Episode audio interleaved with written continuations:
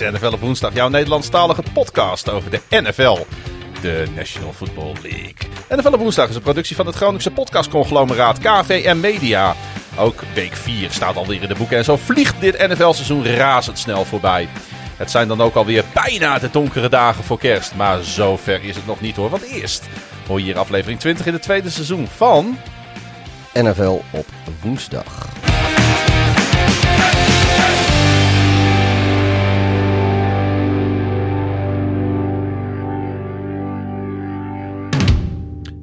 Vroeger, eh, dan Vroeger. wist je dan, eh, we zitten op een kwart van het seizoen. Ja, nu niet.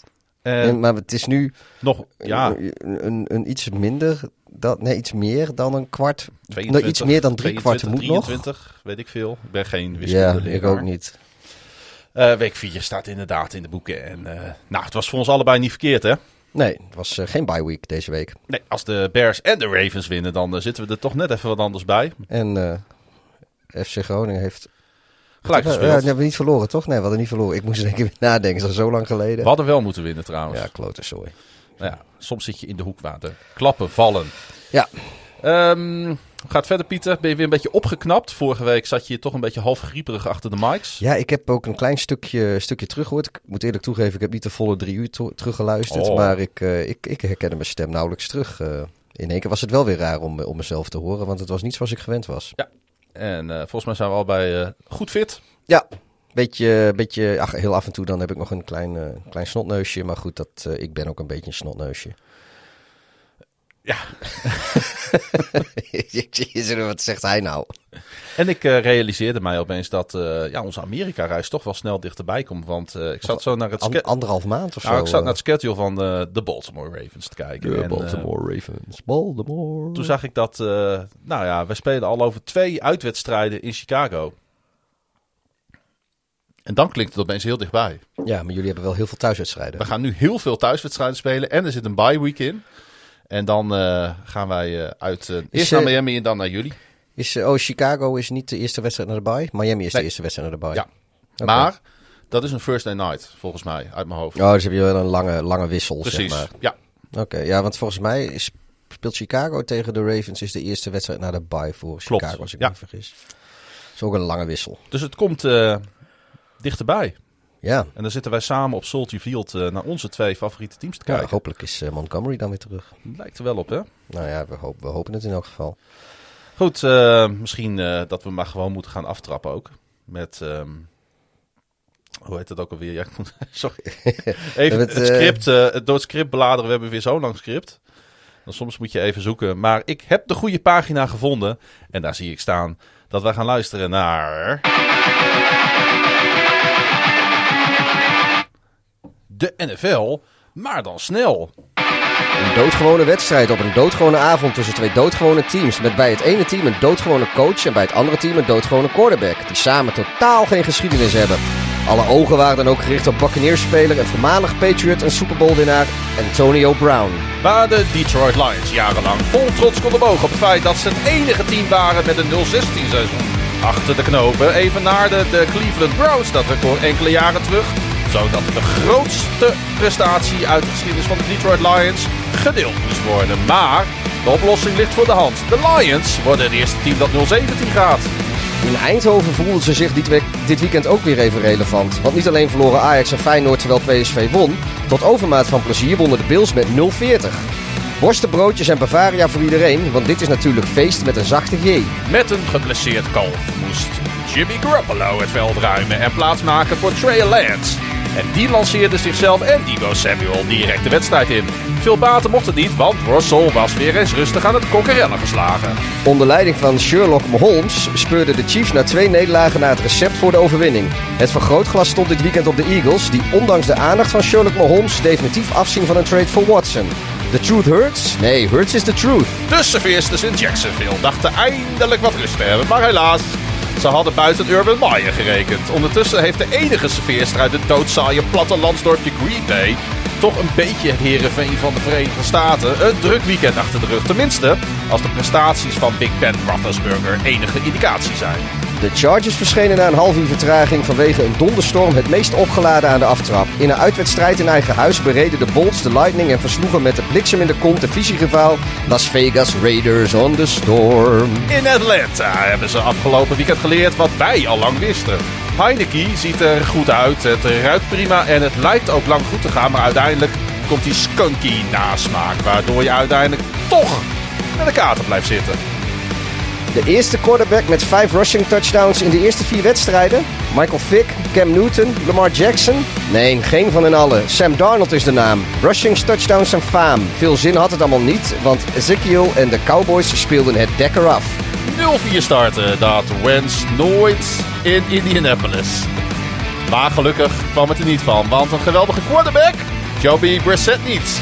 En net als onze grappen kwam ook de running game van de Miami Dolphins niet van de grond. En een lekker stukje gitaarmuziek zo uh, op de vroege ochtend of de zonnige middag of de late avond of de wanneer, duistere nacht, wanneer je ook maar luistert. Wanneer je maar luistert, ja. Ik, uh, ik hou wel van gitaarmuziek. Ik uh, zette net per ongeluk even de muziek eerder aan dan mijn stem. Nou, dat heb je heel mooi opgelost door de muziek uit te zetten, je stem weer aan en toen alsnog de muziek weer aan. Dus ik, het is echt... Die man, jongen, dat is echt een, een fenomeen met knoppen. Ja, absoluut. Niet dat hij een fenomeen is die zelf knoppen heeft, maar hij is een fenomeen met knoppen. De klemtoon is hier erg belangrijk. Uh, we gaan uh, zometeen natuurlijk uh, een rondje langs de velden maken. Gaan we alle 32 teams bespreken. Alle 16 wedstrijden komen weer voorbij in ook jullie favoriete NFL-podcast. Er is ook weer een biertopper. Er is een Who's That Man. Komt er allemaal aan, maar uh, we kijken ook even wat er binnen is gekomen op de kanaal. Er was veel deze week, waarvoor ja. dank. Zowel op Instagram als Twitter uh, enorm veel engagement binnengekomen. Ja, we hadden het uh, script hadden we nu echt teruggebracht naar anderhalf uur. Maar door jullie engagement kon het zomaar weer eens drie uur worden. Dus deze keer is het niet onze schuld. Ja, moeten jullie maar niet zo van... Nee, dat is altijd niet. Bet betrokkenheid van de luisteraar is uiteindelijk super tof. En geeft ook wel eens wat nieuwe inzichten. Want Jasper Leenaerts die stuurt via Instagram... Uh, jullie teken op de nieuwste Power Rankings. Nou, wij kijken echt allebei nooit naar de Power Rankings volgens mij, hè? Nee, de Power Rankings zijn pas interessant als de Bears op één staan. En dat is nooit. Uh, laten we toch even voor deze keer dan, dat is misschien wel leuk voor de afwisselingen, naar die Power Rankings kijken. Want uh, ze zijn net weer binnengekomen. En ik pak gewoon even die van NFL.com erbij als je het goed vindt. Ja. Uh, en ik um, zie daar dat de Arizona Cardinals uh, van 11 naar 1 gestegen zijn in die, uh, in die rankings. 10 plaatsen omhoog. Dat is fors. Maar goed, het is dan ook het enige team, Pieter, wat ongeslagen op een 4-0 record staat. En ja, ik denk dat je hier ja, wel kan spreken nou, van een statement winnen. Ja, het, het is sowieso inderdaad. iedereen die, inclusief mezelf, die, die had toch wel gedacht dat, dat de Rams uh, misschien net dat maatje te groot zouden zijn voor, uh, voor de Cardinals. Nou ja, dat is niet zo. En uh, ik, ik, ja, dat de winnaar van deze wedstrijd, dat dat zeg maar de, de nou in ieder geval heel hoog in de, in, de, in de power rankings terecht zou komen, of misschien wel de nummer 1 zou worden, dat, dat lijkt me evident. Ja. Het verbaast me misschien ook wel een beetje dat, uh, dat tot deze wedstrijd uh, de Cardinals uh, slechts elfde stonden en niet al ergens in de top 6, top 7, weet ik veel, zoiets.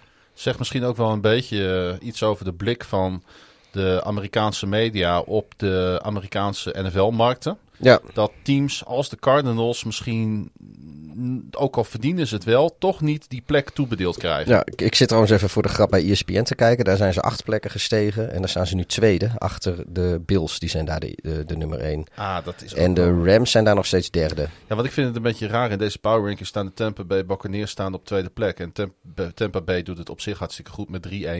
Maar goed, uh, verliezen natuurlijk wel van de Rams. Hadden natuurlijk zomaar afgelopen weekend ook weer kunnen verliezen. Ja. Dus ik vind die, eh, die tweede plek in deze rankings vind ik juist een beetje aan de hoge kant. En dan zou ik eerder de Bills inderdaad eh, op, eh, op die tweede plek zetten. Hoewel, nou ja, winnen van de Texans ook niet. Nee, maar dus ze doen dat dan wel meteen met, met 40-0. Weet Ja. dat is een shutout en een statement win in de zin van het aantal punten dat je scoort. Kijk, als ze daar met een moeilijke 14-7 dat, dat over de streep getrokken hadden, kun je zeggen van ja, maar het is... Kijk, Mhm. je, je, je kiest niet je, je schema en je tegenstanders uit. En eh, je moet verslaan wie je tegenkomt. En als het een slecht team is, dan moet je die gewoon dik inmaken. En dat, dat doen ze wel. En we hebben gezien, ook afgelopen weekend weer, dat dat verdomd moeilijk kan zijn in de NFL. Ja. Ja, als je ziet hoe de Jets en de Giants gewoon hun eerste overwinning pakken tegen gewoon gerespecteerde tegenstanders. Ja, Dan, eh, dan is het allemaal niet zo makkelijk. En dan zie ik in de, verder in de top 10, eh, denk ik ook heel terecht, bijvoorbeeld de Ravens staan, de Cowboys, de Chargers, de Chiefs. ehm, ondanks natuurlijk hun 2-2 record. Ik denk dat dat toch ook wel een beetje de Browns, de teams eh, zijn die in zo'n top 10 verwachten. Ja, dat, eh, ja, dat is wel een beetje de, de, de, ja, weet je, de, de volgorde maakt niet zoveel uit. Ik zit bij ESPN te kijken. Die hebben, de Chiefs hebben die buiten de top 10 gezet. Op de elfde plek.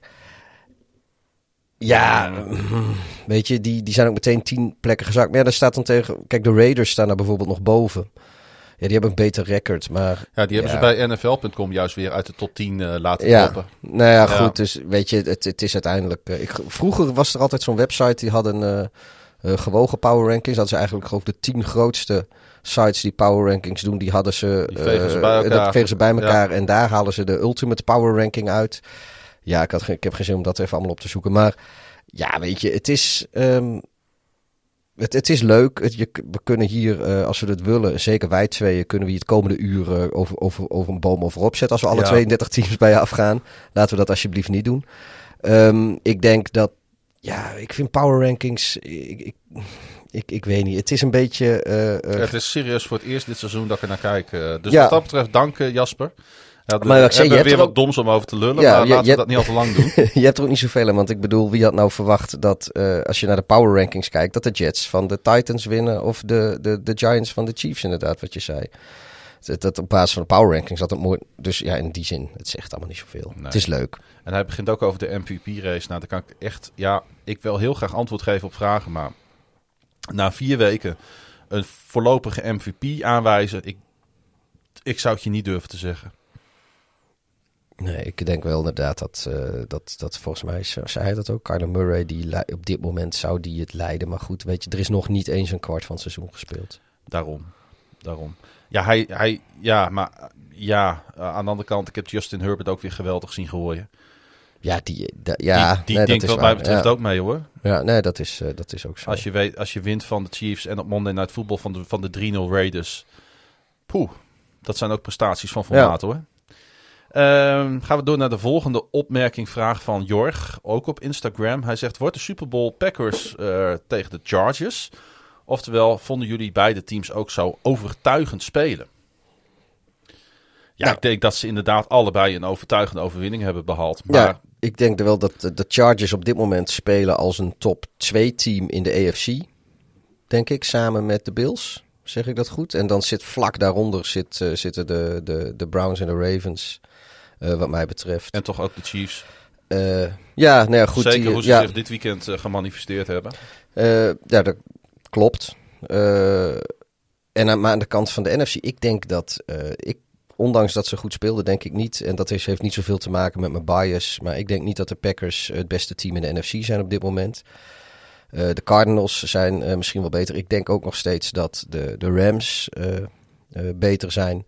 Eh, maar vergeet ook niet de Cowboys, die, eh, die in één keer de boel aardig op de rit hebben in die. NFC. En ik denk dat zijn uit mijn hoofd even zo drie teams die ik op, dit op dit moment hoger inschaal dan de Green Bay Packers. Alles gebeurt daar op dit moment wat wij in de preview show genoemd hebben. Oh, en de Buccaneers misschien wellicht ook nog. Uiteraard. die, die mag je denk ik met deze quarterback nooit vergeten. Ja. Maar wij hebben gezegd, als die Cowboys die vreselijke verdediging van, van vorig jaar minimaal naar gemiddeld niveau krijgen, dan zijn zij een grote speler in de NFC. Ja, En dat laten ze tot nu toe zien. ja als zij eh, één touchdown minder scoren, of er minder tegenkrijgen. En eh, misschien nog wel eh, net zoveel sc- weten te scoren. Ja, dan eh, kan het leuk worden voor ze. Absoluut. Dus ik denk dat we allebei mee kunnen gaan met de Chargers op dit moment. Maar ik denk dat inderdaad de Packers zich in een rijtje bevinden waar heel veel teams omheen Ja. dwarrelen in de NFC. En ook, ook hier, weet je, de Super Bowl, dat is in februari en we hebben nog geen kwart van het seizoen gehad. Eh, maar zelfs op dit moment denk ik niet dat de Packers de frontrunners zijn in de NFC. Eens. Dan gaan we even naar de Twitters. Patrick die, ehm, en dat is misschien een conclusie die we al wat beter kunnen trekken. Die vraagt, kunnen we na vier weken de conclusie, conclusie trekken dat de AFC South de zwakste divisie is van de NFL? Of is dat volgens jullie nog steeds de NFC East? Mm, ik, nee, ik, ik denk dat Patrick daar een punt heeft. Die AFC South, die, die komt niet echt eh, heel, heel geweldig voor de dag op het moment. Nee, en, En- Maupstar die eh, voegt daar ook aan toe op hetzelfde kanaal. eh, hoe is het mogelijk dat de Titans daar met 2-2 de divisie leiden? Ja, nou ja, goed. De, dat, dat komt dus omdat de, de Jacksonville en eh, eh, die, die, die speelt waardeloos. De Texans, nou ja, weet je, eh, dat is ook niet echt eh, om wat om, om over naar huis te schrijven.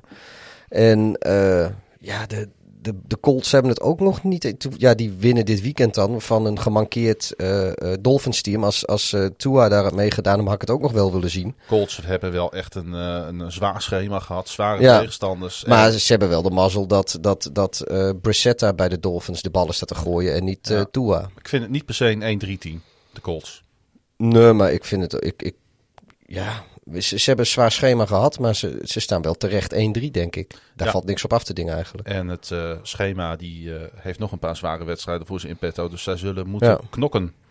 Ja, en de Titans, ja, die winnen wel, of die winnen wel gewoon in Seattle, wat gewoon niet makkelijk is. Ja, en Nooit. en, Eh, en daar verlies je vervolgens in ja, New ze York. verliezen dan wel van de Jets. Ja, nou ja, goed, dat is any given Sunday. Dat is het wel, hè? Ja, Ja. ik bedoel, vorig jaar waren toch de, de Browns die van de, van de Jets verloren. Wat normaal gespro- tot, tot vorig jaar eigenlijk iets als iets heel normaals klonk. Maar toen was het ook eh, En de Rams, hè? de Rams volgens mij ook, ja. Ja. In LA notabene. Ja, dus, dus ja, ehm, Want ehm, dat, dat, eh, dat staat niet in het script, maar dat kwam voorbij. Iemand begon over, weer over tanken in onze tijdlijn. En dat mag, want eh, nou ja, het is logisch als een team op een bepaald record staat. Maar je ziet gewoon, het wordt er van zo jongs af aan wordt het er ingepeperd bij die spelers op high school, op college. Dat je alles geeft in je sportieve carrière. Dat je alles geeft voor je school, voor je college, voor je team, voor je familie, Ja. voor, voor, voor je god. Eh, Ja. Wat ze er ook bij halen Ja. natuurlijk in de NFL.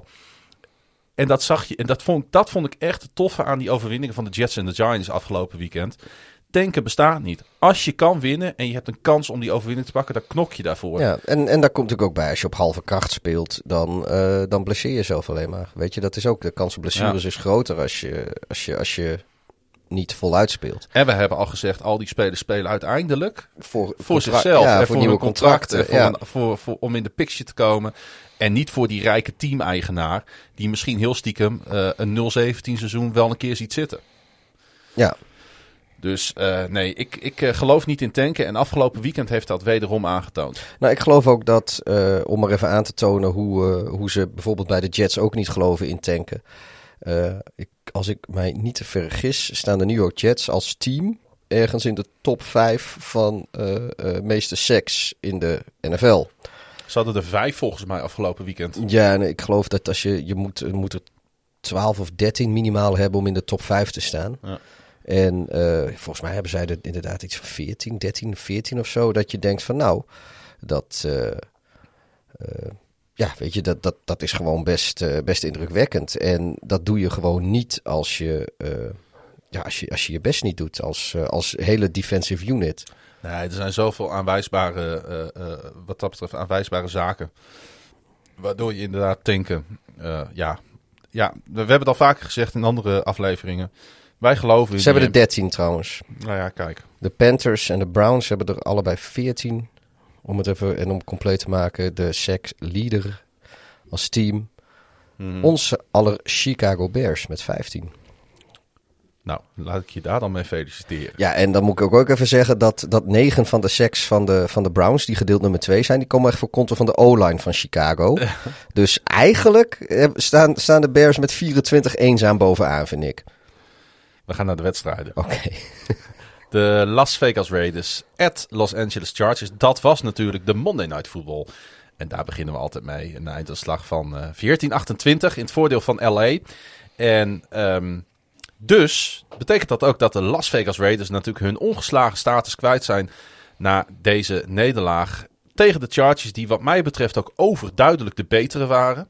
Justin Herbert gooide drie touchdowns en Austin Eckler, die noteerde 145 total yards en twee touchdowns. Ik denk uh, dat, uh, dat de Chargers zich geen uh, beter verlopend primetime game konden wensen dan deze tegen een 3-0 team. Nee, en ja, het, weet je, het is, het is ook wel gewoon leuk als je. Kijk, sowieso, er zit nog in, in Los Angeles zelf zit nog een hele, hele, hoeveel, hele grote hoeveelheid Raiders fans. Dan heb je ze natuurlijk in nou ja, Las Vegas heb je er een partij en dat ligt uh, relatief om de hoek. Uh, het is een vrij simpel gemaakte reis van, uh, van Las Vegas naar LA. Als je op maandagochtend in de auto stapt, zit je ma maandagavond gewoon in het stadion. Ja, en ik geloof dat, uh, dat, uh, dat de vliegtuigen tussen, tussen LA en Las, Ve en Las Vegas vaker uh, vliegen dan de treinen tussen Amsterdam Centraal en Schiphol rijden zo'n beetje. Iedere vijf minuten stijgt er wel haast wel één op. Misschien chargeer ik een beetje, ja, maar we hebben het ook over de, over de Chargers, dus dan mag dat. Nee, maar goed, uh, wat, wat ik wil zeggen is... Hij is, is weer beter, mensen. wat, uh, wat ik wil zeggen is, het is wel mooi dat, dat, dat van, van alle teams waar de, waar de Chargers uh, vaak hun, hun, stadion mee moeten delen... Dat, uh, dat het uitgerekend uh, de, de reders zijn waar die ze op, op zo'n moment voor, voor het oog van de ganse natie en, en nou, met een 50-50 bezetting leek het wel. Nou, uh, als het niet meer was voor de Raiders. Ik heb begrepen dat officieel is, is, is afgekondigd dat er meer Raiders dan Chargers fans nou ja, in het stadion waren. 60-40 ja. zo. Maar goed, om ze dan zo te kijken te zetten, om het zo maar te noemen, dat is wel, dat, dat moet wel goed voelen hoor. Ja. Weet ja. je, dan, dan, dan zet je je toch even in de markt als, als ook gewoon een team in Los Angeles. En de Raiders waren ook echt nergens. Want uh, voor rust gooide Herbert voor 21-0 en 222 yards. En uh, hij voegde zich ook en passant, zoals dat zo mooi heet, bij Lamar Jackson en Dan Marino als de enige spelers in NFL history met minimaal zes wedstrijden, met minimaal Drie touchdown passes en geen intercepties in zijn eerste twee NFL-seizoenen. Dus het geeft wel wat aan over die ja, toch wel uitzonderlijke start van Justin Herbert. En ook is hij de eerste quarterback sinds 1950 die minimaal 500 completions noteert voor zijn twintigste start. Ja, en dat, dit... dat, dat laatste is wel heel, uh, uh, heel bijzonder ook in de zin van ja. uh, dat, dat hij dus zoveel hij, hij onderneemt gewoon echt heel veel pass attempts. En toch wordt hij uh, relatief weinig uh, geïntercept. Ik hoorde de Monday Night Football crew uh, zeggen voor de wedstrijd toen ik inschakelde. want die kick-off werd dus uitgesteld vanwege onweer. Ehm, hoorde ik een van de, hoe noem je dat, commentatoren zeggen... Dit is de nieuwe Tom Brady. Ja, alleen dan denk ik wel dat, dat uh, met alle respect voor Tom Brady natuurlijk, want uh, die, die heeft al het nodige laten zien. Ik, ik vind, uh, ik, ik vind Justin Herbert vind ik wat dynamischer dan, dan Brady. Ook, ook, als het, ook dan een jonge Brady. Ja, en, en de, de ontwikkeling is totaal anders. Maar ik zie natuurlijk wel die vergelijking als ja, toch wat ouderwetse pocket passer. Maar inderdaad, ik denk dat hij meer rollout heeft dan, ja, dan Brady. Ja, het is, hij is, hij is wel wat dynamischer. Ja. Uh, maar wat, voor wat betreft zijn, uh, zijn, zijn nauwkeurigheid en uh, zijn release snelheid als dat nodig is. Mhm. Ja, joh, daar, hij is, dat, dat, dat, dat zie ik ook wel. Daar, is, daar Ja. is hij wel echt heel goed in hoor. Is dit. ehm, ja, dit is. Ik denk, ik denk dat de Chargers een generational talent te pakken hebben. Ja, een franchise ja. quarterback. Ik denk dat, dat, dat we dat ondertussen wel kunnen vaststellen. Die, eh, die zit daar.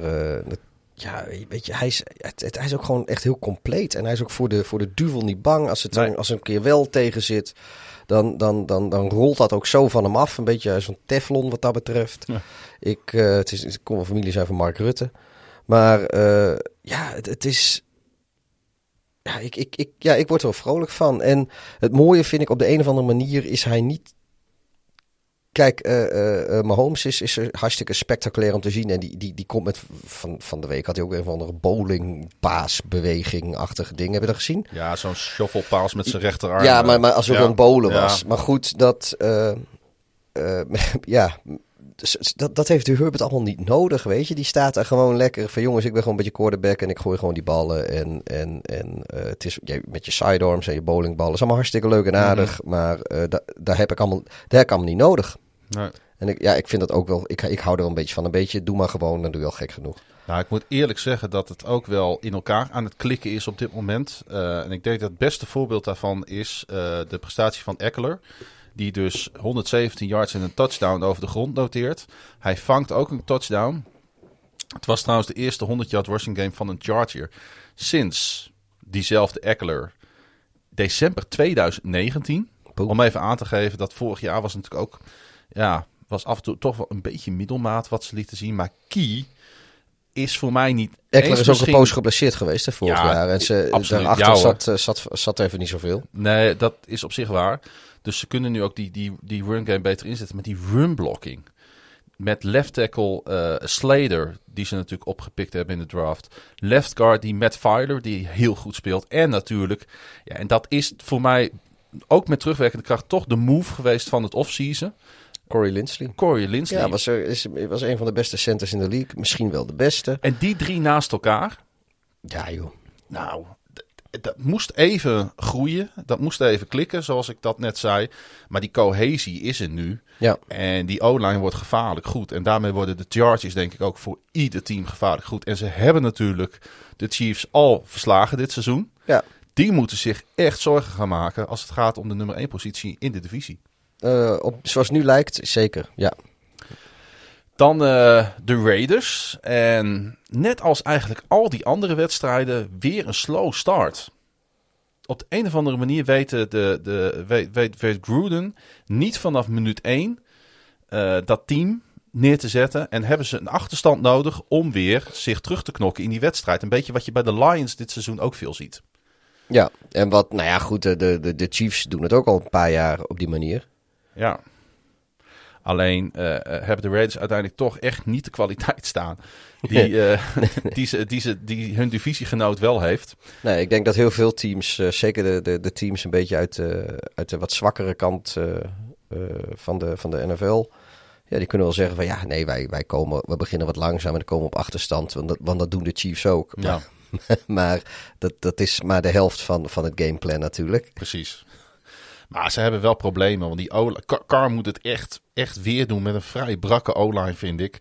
Hebben natuurlijk wel wat problemen. Hè. Ze missen natuurlijk eh, Incognito en eh, Denzel Good, ook voor de rest van het seizoen. Ehm, ja, en doordat, ehm, doordat er heel veel druk op die, op die line ligt... eh, eh, en voor de defense van de tegenstander overduidelijk passing situations te zien zijn... eh, denk ik dat ze snel met aanpassingen moeten komen in de schemes. Want de Raiders worden voorspelbaar. Ja, nee, dan, dan krijg je heel erg wat, eh, nou ja, goed, wat, eh, wat, wat, wat de Bears in Cleveland lieten zien. Dan, heb, dan, dan, je gaat niet rennen. Dat weten ze eigenlijk al. Ja, Dus heeft de play-action ook geen zin. Want ze weten ook al, doet de quarterback, doet, lijkt, ja, hij gaat toch niet, mhm. het, ja, alle, alles stort in elkaar dan. maar als wij het vanaf de bank al kunnen zien. Ja, maar goed, aan de andere kant, als wij het van de bank kunnen zien, dan zien ze dat eh, in Las Vegas ook wel. En eh, daar hebben ze sowieso oplossingen voor, mag je toch verwachten. Ik hoop het eh, voor John Gruden en de Raiders. Want ja, dit, dit was weer een, ik zou bijna zeggen, een ouderwetse Raiders-wedstrijd. Waarbij ze het niet naar hun hand konden zetten. Ja, Na de wedstrijd was er ook nog wat opvallends, Pieter. ja Joey. Nou goed, laten we beginnen met zeggen dat we op, op de social media. En wij hebben het zelf vaak als we met z'n tweeën zitten te kijken. We horen het ook van eh, heel veel eh, fans op social media. We hebben het ook gezien op onze eh, event in Tilburg. Toen we met z'n allen zaten te kijken. Het commentaar op de zebra's is over het algemeen niet van de lucht. Maar de spelers houden zich vaak redelijk op de vlakte. Maar Joey Bosa die had er genoeg van na deze wedstrijd. En die kreeg een, een, een, geen holding call tegen. Terwijl die overduidelijk Mhm. vastgehouden werd. eh, ergens in het vierde kwart. Daar reageerde hij nog fel op. Wat hem eh, tot een unsportsmanlike conduct penalty kwam te staan. Daar heeft hij wel gezegd van, joh luister, ik, ik, wat ik daar deed, dat had ik niet moeten doen. En dat was ook pathetic. Maar opvallender is wat hij over de scheidsrechters zegt. En dan quote ik hem even. Hij zegt, the refs are blind. I'm sorry, but you're blind. Open your eyes, do your job. It's so bad, it's unbelievable. These guys have to have to have got to do a better job because it's been years of terrible, terrible missed calls left and right. It's really pathetic, honestly. Dus die, ja, die houdt zich niet in eh, in zijn commentaar. En eh, ik denk dat dit iets eh, is wat, wat in ieder geval de meeste fans wel zullen onderschrijven. En ja, laten we hopen dat, dat dit bij de league ook een beetje aankomt. Want het wordt wel eens storend zo langzamerhand. Ik heb ook weer dingen gezien eh, in de wedstrijd die ik volledig heb gezien tussen de Broncos en de Ravens. Daar gaan we het straks nog wel even over hebben. Dat, eh, ja, dat je inderdaad eh, dat, dat je echt niet snapt hoe iedereen het volgens mij ziet. Ja, Aan de andere kant, maar ook gewoon hele rare judgment calls. In de zin Ja. van, nou ja, de, een van de wedstrijden die ik gezien heb was natuurlijk eh, Bears-Lions. En op een gegeven moment is daar een fumble. En de Bears defense, die gaat enthousiast die fumble recover. En die hebben zoiets van, ja, het is onze bal. En de scheidsrechters die zeggen van, nee, hij was down by contact. Maar je geeft gewoon de fumble, want dan heb je een review en dan kun je zien dat, Ja. die, dat die knie van die Lions-speler inderdaad niet op het gras was. Want die lag op het been van een Bears-verdediger. Dus de, hij was niet tegen de grond, dus het was een fumble. Maar ja, als jij dan down by contact fluit, ja, dan je, kan, je moet dan als coach een challenge flag gooien. Maar goed, als je dat toevallig ook al eens gedaan hebt. Ik, ik, weet je, fluit gewoon de fumble en, en doe de review. ik snap ook, eh, de, de, er was een duidelijke hit op een, eh, op een defensive player eh, door de Ravens. Bij oh ja, op eh, eh, Spe- Spencer heet hij. Spe- Spencer heet hij volgens mij, ja. ja. Van, de, van, de, van de Broncos. Nou, ik denk dat het hele stadion zag. Ik ja, dat was een het. defenseless. eh, En ja. ik, ben, ik ben Ravens fan, dus ik ben ook nog eens gekleurd. ja, en, Op dat moment misschien ook. en misschien omdat dat niet gegeven wordt, eh, eh, is, zien ze dat als een soort eh, vrijbrief om ja. ook net iets harder op, eh, op Teddy Bridgewater af te, af te Wa- stormen. Waardoor die nu met hoofdpijn thuis zit. En die zit nu met de hersenschudding thuis. Eh, nou, Ja. dat, dat is maar de vraag of die volgend, volgende week eh, eh, kan spelen. Dus dat heeft eh, voor, de, voor de Broncos grote, grote implicaties. Ik zeg niet dat de Broncos daar de wedstrijd verliezen. Maar ik denk wel dat het met Teddy Bridgewater lastiger is voor de Ravens. Laat ik zo zeggen. Bedunkt, want wat erin kwam, Drew Lock, dat, ja, nee, dat is gewoon brandhout. is het niet. Nou ja, goed, eh, die wedstrijd gaan we natuurlijk zo meteen ja, over maar goed, hebben. ja, dit, dat, maar dat soort dingen Maar ja, het is, is sluit echt heel kwalijk. op is echt wat, heel kwalijk. op wat hier inderdaad door Joey Bosa gezegd werd eh, na de wedstrijd. Ja, want het had ze in theorie, had, ja, het gebeurt niet, maar het had ze in theorie die wedstrijd kunnen kosten. Want Ja. in- maar goed, dat. eh, De Raiders, die ontvangen volgende week de Chicago Bears. En de Chargers, die spelen ook thuis tegen de Cleveland Browns. Gaan we door met de, de grote divisierival, denk ik dan toch, van die Chargers. Dat zijn de Kansas City Chiefs. En die scoorden me even 42 punten in Philadelphia. Maar ook de Eagles wisten 30 punten te scoren. Dus eh, het was een, eh, nou, high-scoring affair daar in, eh, in Philly. 72 punten. Ja, dus het publiek heeft in ieder geval waar voor het geld gekregen. Alleen niet de overwinning waar ze natuurlijk uiteindelijk op hoopten. Het was na de wedstrijd, ja, ik weet niet of je de beelden hebt gezien, maar natuurlijk duidelijk aan wie deze overwinning werd opgedragen bij de Kansas City Chiefs. En dat was natuurlijk Andy Reid. Het team scandeerde in de kleedkamer zijn naam. En Reid die reageerde. Zie, zie die man daar staan op zo'n filmpje. Dan reageerde, hij tikte even zo tegen zijn baseballcap aan. Van, dankjewel. Van dankjewel. En eh, nou ja, goed, ik zie die man ook niet meteen springen en, en zingen. En, en Nee, nee, nee, nee. Het lijkt me voor dat lichaam ook niet goed. Maar, ja, maar eh, dan ligt hij eh, weer in het ziekenhuis. Maar hij werd echt, eh, echt geëerd door zijn, door zijn Ja, spelers. Ik, ik, heb, ik heb ook nog nooit gehoord van een, van een speler of een fan of een, of een coach of, of wie dan ook in de, in, de, in, de, in, de, in de ruime omgeving van de NFL die niet, of, of die, die, die problemen heeft met Andy Reid. Nee, Die, volgens mij bestaan die mensen niet. Het was natuurlijk niet voor niks hè, dat, eh, Misschien een van zijn ex-vrouwen, maar Dat- ja. als, als hij die heeft hoor. dat hij zo gevierd werd. Eh, ik heb, nou ja, goed. Nee, ge- die ga ik niet zeggen. Hij, eh, hij, eh, hij behaalde als, eh, als headcoach eh de honderdste zegen. En dat was natuurlijk de reden van die, eh, van die festiviteiten. Ehm, en dat deed hij trouwens natuurlijk bij maar twee franchises, hè? Ja, De Chiefs hij heeft, hij heeft en de Eagles. Ja, volgens mij 99 eh, keer bij de Eagles eh, gewonnen. Klopt volgens mij, of eh, weet ik of in ieder geval. Nee, het was zijn honderdste overwinning, hè? Inclusief de play-offs. Van de oh, zo. Maar, oh, dan, maar dat. oh, Oké, nou, ik, ik, ik, heb ik het niet goed. Of was het, was het de honderdste overwinning bij de, bij de Chiefs? Nee, want dat lijkt Ik me weet wel- Ja, ik, pff, ik begin ook te twijfelen. Maar 100 in totaal is ook weer niet, niet heel bijster veel. Want hij zit sinds 2003 of zo, zat hij bij de Eagles, 2004. Ik heb geen idee. Heb ik het... eh, Ik meende dat hij bij beide teams had, had hij of 99 wedstrijden gecoacht of 99 wedstrijden gewonnen. En dat hij. eh, maar ja. Oh, sorry. 100 wedstrijden bij beide teams. Oh, dat, Dat was is het. Ik Ja, heb het verkeerd eh, opgeschreven. Ja.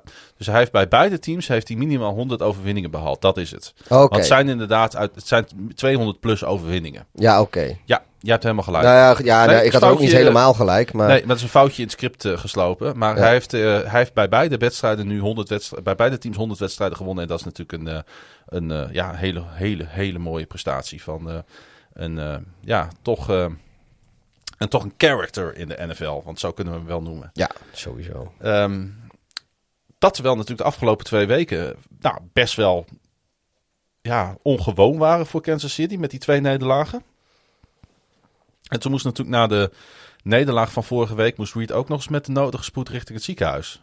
Ja. Dus ze hebben toch een soort van eh, ja, lastige seizoenstart. Nou ja, weet je, het... het, het, eh, het, het- ze zijn nog steeds een heel goed team, maar, maar, maar het, zit, het zit ze even, soms ook even niet mee. Nee. Weet je, waar, waar vorig, eh, vorig seizoen hadden ze natuurlijk ook van die wedstrijden die close waren. En dan viel alles wel net hun, hun kant Ja. op. En nu gebeurt dat soms ook eens niet. Ja, dat, eh, dat kan. En ze zijn natuurlijk links, zien ze die Chargers zien ze Ja. voorbij snellen. Ze, het, is, het is ook inderdaad, het is nu wel zo dat eh, meer, eh, geen- meer dan vorig jaar, dat, dat, dat iedere, iedere eh, overwinning die ze laten liggen, dat, dat kan ze potentieel de, de divisie kosten. Ja, en het is geen eens hete adem in de nek meer. Maar het zijn nu Nee, de Chiefs die de hete adem bij de Chargers in de nek moeten. Ja, ze Zien. moeten, ze moeten eerst maar eens in de buurt gaan blijven. Precies. Hey, die Eagles defense, die probeerde er natuurlijk alles aan te doen om die Mahomes-Hill connectie te onderbreken. Dat lukte niet echt. Lukte totaal niet.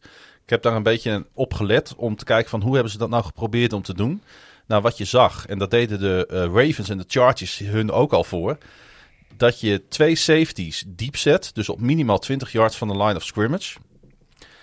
En dan hebben die eh, Chiefs dus zoveel variëteit in hun packages, zoveel eh, verschillende plays klaarstaan, dat het op de een of andere manier dus bijna niet te verdedigen is. En dan, zijn, en dan is die Eagles defense dus toch te langzaam. Ja, en dat komt natuurlijk. Kijk, dat is dan wel echt de kracht van ook eh, van, van Patrick Mahomes. Ehm, hij kan alle ballen overal op het veld kwijt. Je hoeft niet, zoals bij sommige quarterbacks, het veld te halveren. Om te zorgen dat, dat, dat je quarterback de ballen goed kwijt kan. Mm. Dus je hebt eh, de volle breedte van het veld heb je. Je- het is niet zo dat, dat, dat hij eh, liefst vanuit de pocket past. Dus je moet, als je een, een tegen een, tegenover een goede D-line staat, moet je snel passen. Dus je hebt alleen maar korte routes die je kan doen, of screens of wat dan ook. Of curl routes, dat, dat heb je ook niet, want eh eh, Mahomes die is net zo makkelijk om die pocket uit te gaan en de benen te nemen en eh, zelf kansen te creëren. Dus ja, en vroeg of laat komt er iemand vrij. En Mahomes die kan iedereen overal op het veld vinden. Hij gooit een bal zo 50 yard met, met, met een mooie rainbow. Maar hij gooit ook zo inderdaad 20 yard met, met, met een zipline. Daar word je akelig van. En, en Ja, verdedig het en- maar. En, en de bal komt ook wel eens niet aan. Maar dat is niet erg, Ja. dan heeft hij nog drie downs over. Precies. En, en dan zit er natuurlijk, eh, we hadden het net uitgebreid even over hem, er zit natuurlijk Andy Reid. En dat is eh, een van de creatiefste, of misschien wel de beste playdesigner in de NFL. En die, eh, die, is, die weet ook precies wanneer hij zijn, zijn gedesignde plays moet callen. Ja, er is bijna geen kruid tegen gewassen. Ik zag een play op een gegeven moment, het eerste kwart, waar de Chiefs zeven spelers gebruikten in de pass protection. Wat Mahomes dan weer genoeg tijd gaf om een intermediate pass op heel in eh, ja, de middle of the field te gooien, waar jij het net inderdaad over hebt.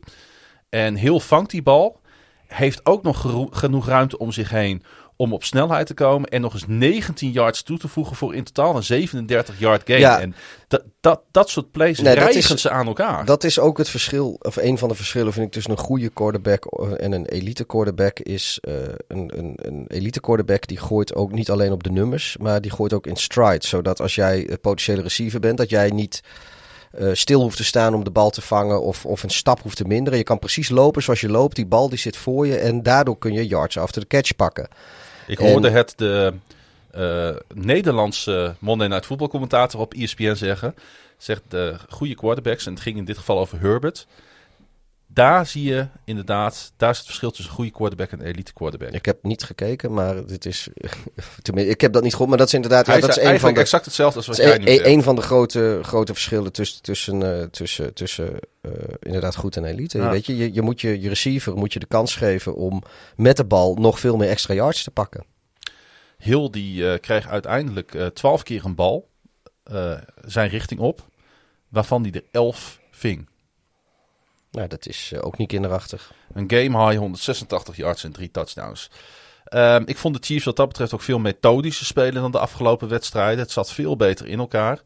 Eh, Clyde Edwards-Hilaire had geen fumble. dat scheelt ook al wat, want dat had hij de vorige wedstrijden namelijk wel. Ja. En waar uiteindelijk Kansas City, want de Eagles waren echt niet heel erg slecht, vond ik. Die, die hebben best wel een goede pot gespeeld, maar waar de wedstrijd uiteindelijk gewonnen werd, was in die endzone.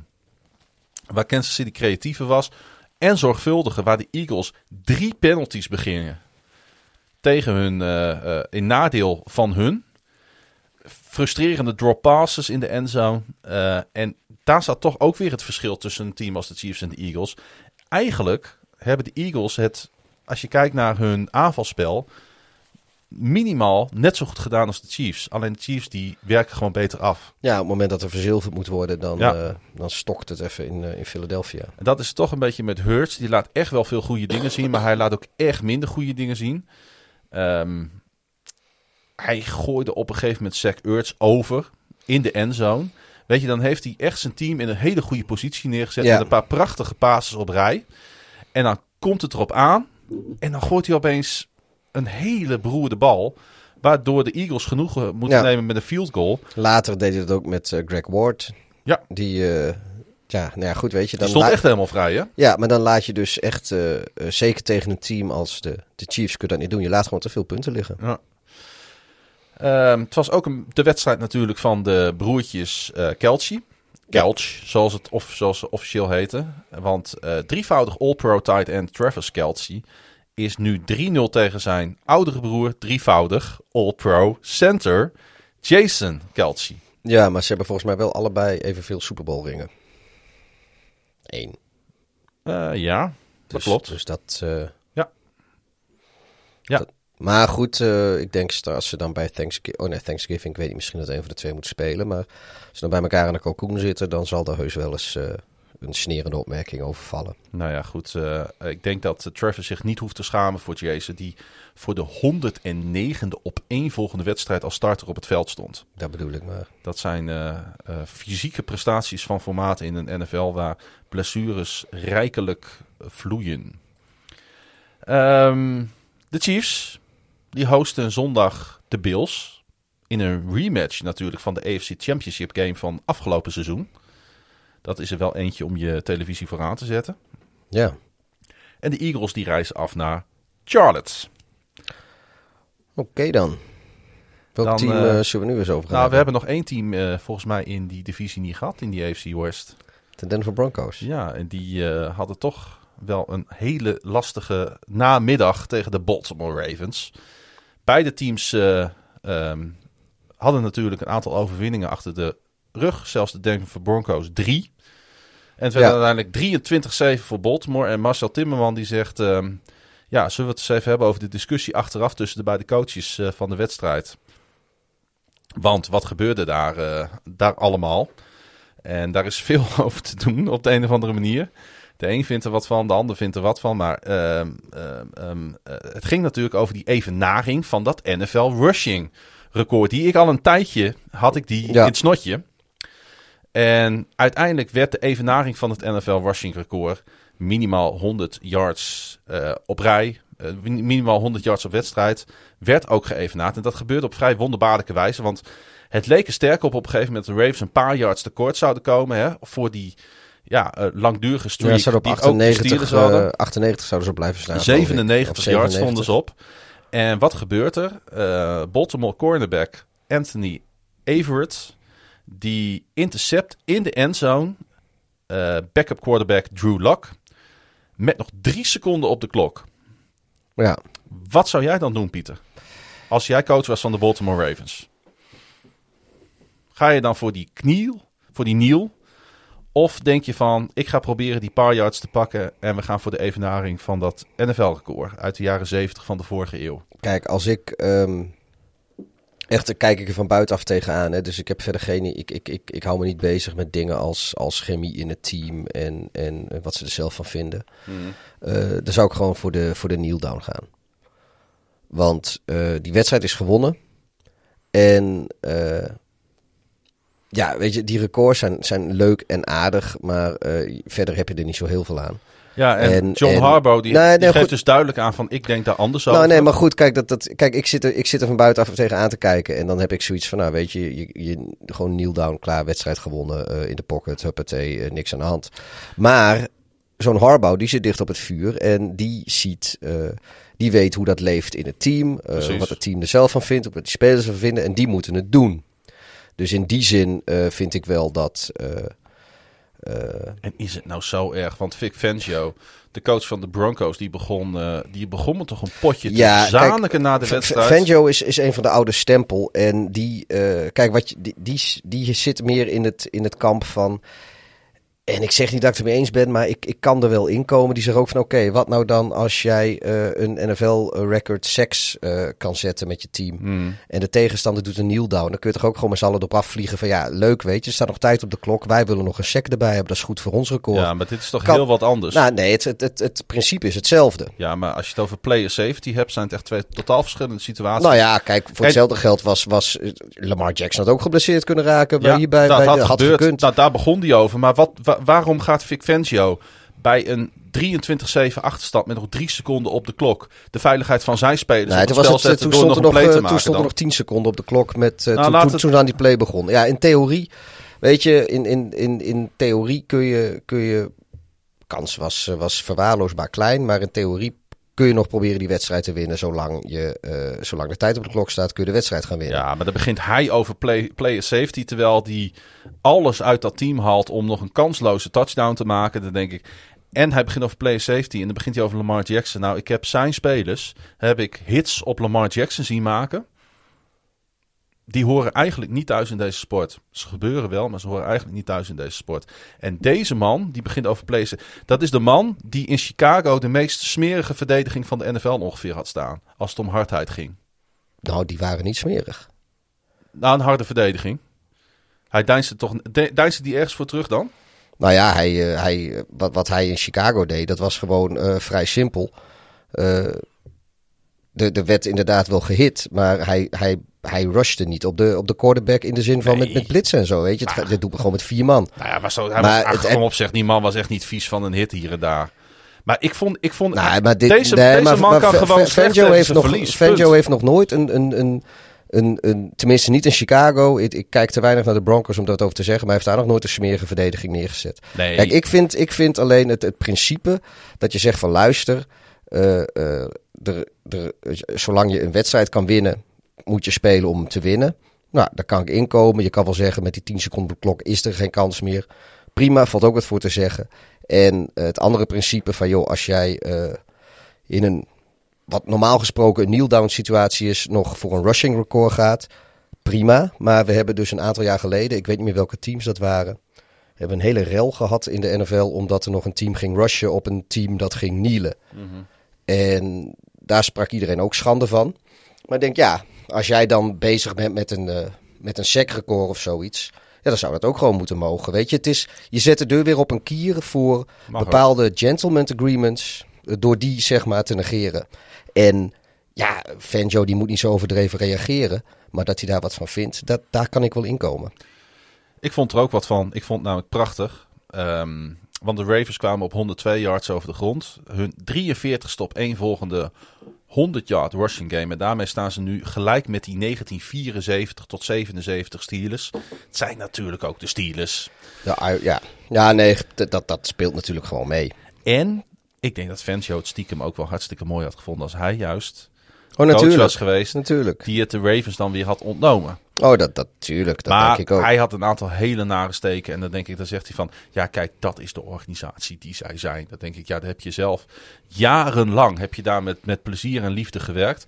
Een week eerder sprak hij nog eh, vol waardering over de Ravens. En Ja, zo, hij, zo hij, zat, hij zat natuurlijk in de emotie van een verloren wedstrijd. De Bron- Broncos stonden op 3-0. Iedereen zei natuurlijk tegen de Broncos, tegen Fangio... Ah, die 3-0 stelt niks voor. Jullie stellen niks voor. Moet je kijken tegen wat voor tegenstanders je hebt gespeeld. Ja, en dan verlies je inderdaad als er een wat beter team eh langskomt prompt. Ja, ik, denk, en- ik denk dat zijn, dat Nee, zijn maar goed. onweer stond. Ja, natuurlijk. Kijk, en er zal natuurlijk ook eens emotie meegespeeld hebben. Want dat is natuurlijk ook gebeurd. eh, dat zijn, zijn quarterback gewoon uit de wedstrijd gehit is op een manier die niet mag. Ja. En daar, eh, weet je, dat, dat... Ja, weet je, kijk, deze wedstrijd, daar was veel aan te schorten wat betreft eh player safety. Het wa- was lang niet altijd sportief. Eh, van beide kanten niet. En ja, dat, het dan op de, dat als je het dan eindigt op deze manier, dat daar dan ellende van komt. Ja, dat is wel, eh, is wel te voorspellen. De Broncos, eh, of sorry, de Ravens zijn lekker in het vliegtuig gestapt. En eh, ze caren er helemaal niets meer om, denk ik. Nee. Jackson die noteerde slechts 28 yard rushing. Maar hij gooide daarentegen deze keer voor 316 yards. Ehm, moeten we daar nog een conclusie uit trekken dat Lamar zo'n stabiele, goede passing game speelt? Of wisten we eigenlijk wel dat hij dat kon? Ja, nee, ja ik, ik, ik, ik kijk er niet van op. Ja, ik ook niet, maar ik lees nog steeds op eh, diverse social media verbaasde reacties op, eh, op zo'n eh, op zo'n game van, van Lamar. En het mooie was dat, dat er ook diverse spelers weer waren na die wedstrijd. waaronder volgens mij Duvernay, die in de persconferentie zei van... ja, eh, als jullie nou nog niet doorhebben dat Lamar echt wel een balletje kan gooien... dan hebben jullie niet goed opgelet. Ehm, ja, dan die Broncos. Waren die dan inderdaad niet eh, het 3-0-team die ze zelf misschien dachten dat ze waren? Ja, weet je, ik, ik, ik blijf erbij. eh 3-1 is trouwens ook een prima record. Maar Of hebben ze gewoon een, een- Nee, ik- een- ik- de Ravens op een hele goede dag getroffen? Nou, weet je, de, ze, ze, ze, de, de, zo, toen Teddy Bridgewater nog speelde, was het een hele andere wedstrijd. Toen was het voor de, ja, weet je, dan... Daar hebben ze ook in enige punten zo'n beetje, beetje gescoord. Ja, ze hebben één touchdown gemaakt. en ja, maar dat het. was in het eerste kwart met, eh, met Bridgewater nog. Ja, klopt. En eh, eh, de, de Ravens, die. Kijk, dat, dat is dan natuurlijk ook. Met, met zo'n met zo'n luck blijft de aanval niet op het veld staan. Waardoor de verdediging moe wordt. Waardoor je dus. Ja, dat heeft zoveel impact. Kijk, als, zo ook al kan. Gaat die Bridgewater lekker, eh, lekker behouden. eh, een beetje dinken en dunken. Eh, als, als dat de, de, de, de Broncos die van het veld afhoudt. Ja, dan hebben de Ravens het ook veel lastiger. En ik zeg niet dat ze dan niet hadden gewonnen. Maar ik. Vanaf het moment dat Bridgewater van het veld af moest, wist je gewoon dat de Broncos een verloren wedstrijd gingen Ja. spelen. En met Bridgewater was deze wedstrijd had zomaar vier kwarten lang leuk kunnen blijven. Dat is, was, zo kijk ik als neutrale toeschouwer Ik tegen. moet wel zeggen dat voor mij teleurstellend, of teleurstellend, geruststellend is. Dat woord wil ik gebruiken. Geruststellend is dat op het moment dat de Ravens tegen een defense komen te staan die goed tegen de run verdedigt. En dat kunnen de Broncos en hebben ze weer laten zien. Dat Lamar dus met zijn eh, rechterarm ook gewoon die wedstrijd binnen Ja. kan halen. Dus het heeft mij, eh, uiteindelijk was het voor mij een hele geruststellende avond. Hoogtepunt van die wedstrijd. En we hoorden hem in de intro. We moeten toch, denk ik, toch nog even benoemen. Het was natuurlijk die 49 yard touchdown pass van Jackson op Eh, Hollywood, Brown. Ja, En dat eh, was op dat moment ook goed voor die 14-7 voorsprong. Na die 0-7 achterstand. Ja, en daarna zijn inderdaad de Ravens niet meer in de problemen geweest tegen de eh, Broncos en Drew Lock. precies. Ja.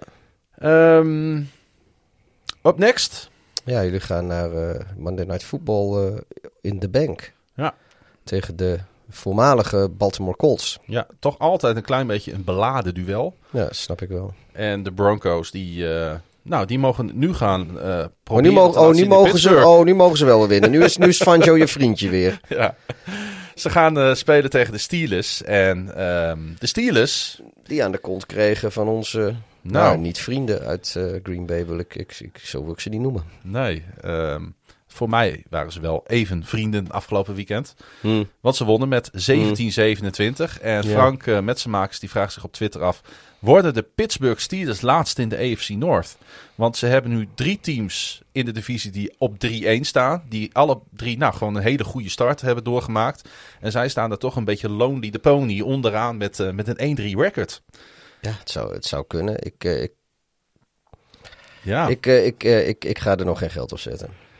Ja, jij hebt toch ergens heb je vertrouwen. Ik, ze gaan echt nog wel wedstrijden winnen hoor. Dat, Ja. ze gaan echt, dat weet ik ook wel. Misschien, uh, maar misschien, de rest gaat ook wedstrijden winnen. Misschien doen ze wel vorig seizoen omgekeerd. Toen zijn ze 1-3 geëindigd na een, uh, wat was het, uh, een 12-0 Ja. start. 11-0. Of 11-0. Ja. Ik, Nou hoop, ja, nee, 12-0 en toen eindigden ze 1-3. ik hoop het niet trouwens. Dus, want, uh, eh, wij dus spelen zijn de laatste 13-3 wedstrijd tegen hun namelijk. Ja, nou, misschien gaan ze, gaan ze dan nu dan, nou, misschien verliezen ze nog eentje, maar gaan ze straks 12 op rij winnen om het seizoen af te sluiten. Je, je weet het niet. Randall Cobb. Nee, da- daar ga ik ook geen geld op zetten hoor, op dat scenario. Randall Cobb die liet weer eens zien waarom Aaron Rodgers hem terug wilde hebben in eh, Green Bay. Cobb ving eh, twee touchdowns, rende er ook nog één binnen voor een score. En eh, het was daarbij ook, daarmee ook de derde opeenvolgende overwinning voor de Packers. En ja, Cobb, die, om dat nog even in herinnering te roepen, die begon natuurlijk zijn loopbaan bij Green Bay tussen, ik dacht 2011 en 2018. Waarna hij een jaar in Dallas heeft gespeeld en daarna een jaar in Houston. Ja. Maar afgelopen weekend werd wel weer duidelijk waarom uh, Rodgers hem er zo graag bij heeft, hè? Ja, weet je, ik denk gewoon dat goede vriendjes zijn. Want uh, Kop vind ik nou niet, niet meer zo'n bijzondere speler. En ja, ik weet wel dat uh, hij, ja, bij Green Bay hebben ze wat, wat problemen, geloof ik, wel op, op die positie. Mm. Maar laten we nou niet doen of Kop nu nog de spelers die het verschil maakt. Het enige wat is, kijk, hij heeft natuurlijk wel die chemie met, met Rodgers. Precies. Dus dat, dat, dat speelt wel mee. Ja. Maar ja, en hij was er met een 1-yard touchdown pass in het derde kwart verantwoordelijk voor. Dat um, Rodgers nu 420 touchdowns gegooid heeft in alle, zijn carrière. Alle marihuana gebruikers in de Verenigde Staten zijn nu ook fan van Aaron Rodgers. En hij kwam daarmee op gelijke hoogte met Dan Marino voor zesde aller tijden. En daarmee, daar nemen wij natuurlijk allebei onze hoed diep vooraf. Ja. Rodgers noteerde uiteindelijk 20 uit 36 voor 248 yards. En um, heeft, uh, heeft de smaak na die uh, vreselijke nederlaag in week 1 voor de Packers wel weer gewoon te pakken. Ik vind het toch wel knap hoor wat de Packers doen. Ik heb even gekeken naar, uh, naar hun ziekenboeg. Nou, daar ligt ook nog het een en ander in het veldhospitaal, hè? Ja, dat klopt. Dat, uh, ja... Ik zie jou gewoon, King. als we het over die Packers hebben, dan zit je gewoon ongemakkelijk op die stoel Ja, wat heen en weer te bewegen. Nee, maar goed, weet je, het is... uh, Ik ja. weet het toch altijd aardig te verbergen en, uh, en, en zo ongekleurd mogelijk deze podcast in te gaan. Maar dat gezicht van jou, dat... Ja, nee, maar zo'n zo'n zo'n Velder Scantlingen, weet je, die, die mis je nauwelijks, joh. Dat is toch ook gewoon een koekenbakker. Uh, ja. Ja, ze- Nee, dat, dat vind ik, dat is typisch zo'n speler die bij, eh, die bij 28 teams in de NFL gewoon een hele marginale rol speelt. En toevallig omdat hij bij een team zit waar, eh, waar een beest van een quarterback staat, eh, eh, leuke dingen laat zien af en toe. Maar ook heel vaak gewoon ballen dropte. Zo. Dus ja, weet je, d- was een van de redenen dat, eh dat Randall Cobb speelde, was omdat Velder Scantling eh, eh, niet fit was. Nou, dat is ook je ziet meteen het verschil. Ze missen natuurlijk wel het hele seizoen All-Pro left tackle David Bakhtiari. En dat is wel een, een, een echt gemis. Outside linebacker uh, Darius Smith, waarvan nog niet bekend is wanneer hij weer ook terugkeert. En uh, in deze wedstrijd viel cornerback Jer uh, Alexander uit. Met een schouderblessure. En uh, nou ja, goed. Het, het, het uh, laat zo zeggen. Hier en daar hebben ze wel wat uh, blessurepech. Ik, uh, ik wil alleen nog wel even zeggen dat, uh, dat er is een loopzuiver touchdown is Pittsburgh natuurlijk wel door de neus geboord, waarmee ze nog een voorsprong hadden kunnen pakken. Ja, ging om een full start bij een, of ja. nee, een offside. Ja, die er niet was. Die er niet was. En dit was bij een, uh, hoe heet dat, bij een, uh, bij een field goal poging. Ja. En uh, ja, kijk dan. Die werd geblokt. Die werd geblokt en Pittsburgh liep, liep hem terug voor een touchdown. Die dus niet gegeven werd omdat ze zeiden dat het offside was. Dat was niet zo, want die, die center van, uh, van Green Bay die besloot die bal eerst een stukje naar voren te bewegen. En die zat met die bal te pielen en toen pas te snappen. Ja, weet je, als die bal beweegt, dan mag je als verdediger mag je gewoon gaan. En uh, bij de, bij de refs dachten ze waarschijnlijk... hoe kan het dat, eh, dat de drie mensen van de, van de Steelers... eh, al tussen de, de, de line en de kikker terechtkomen.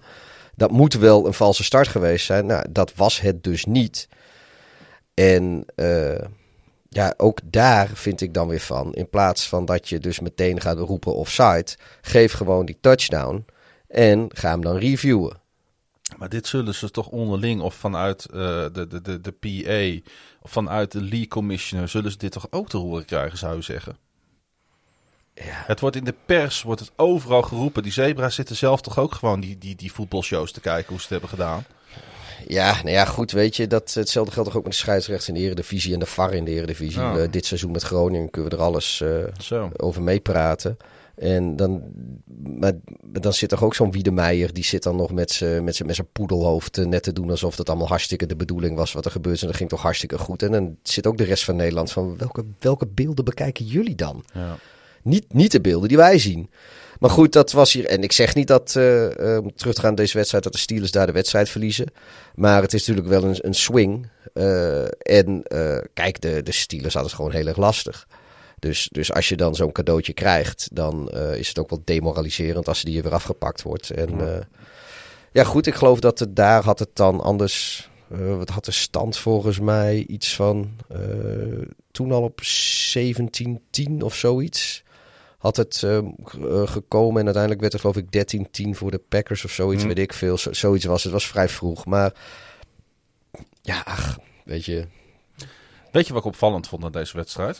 dat het de eerste keer was dat Rodgers en Roethlisberger tegen elkaar speelden sinds de Super Bowl in 2011. Als eh, starting quarterbacks, ja.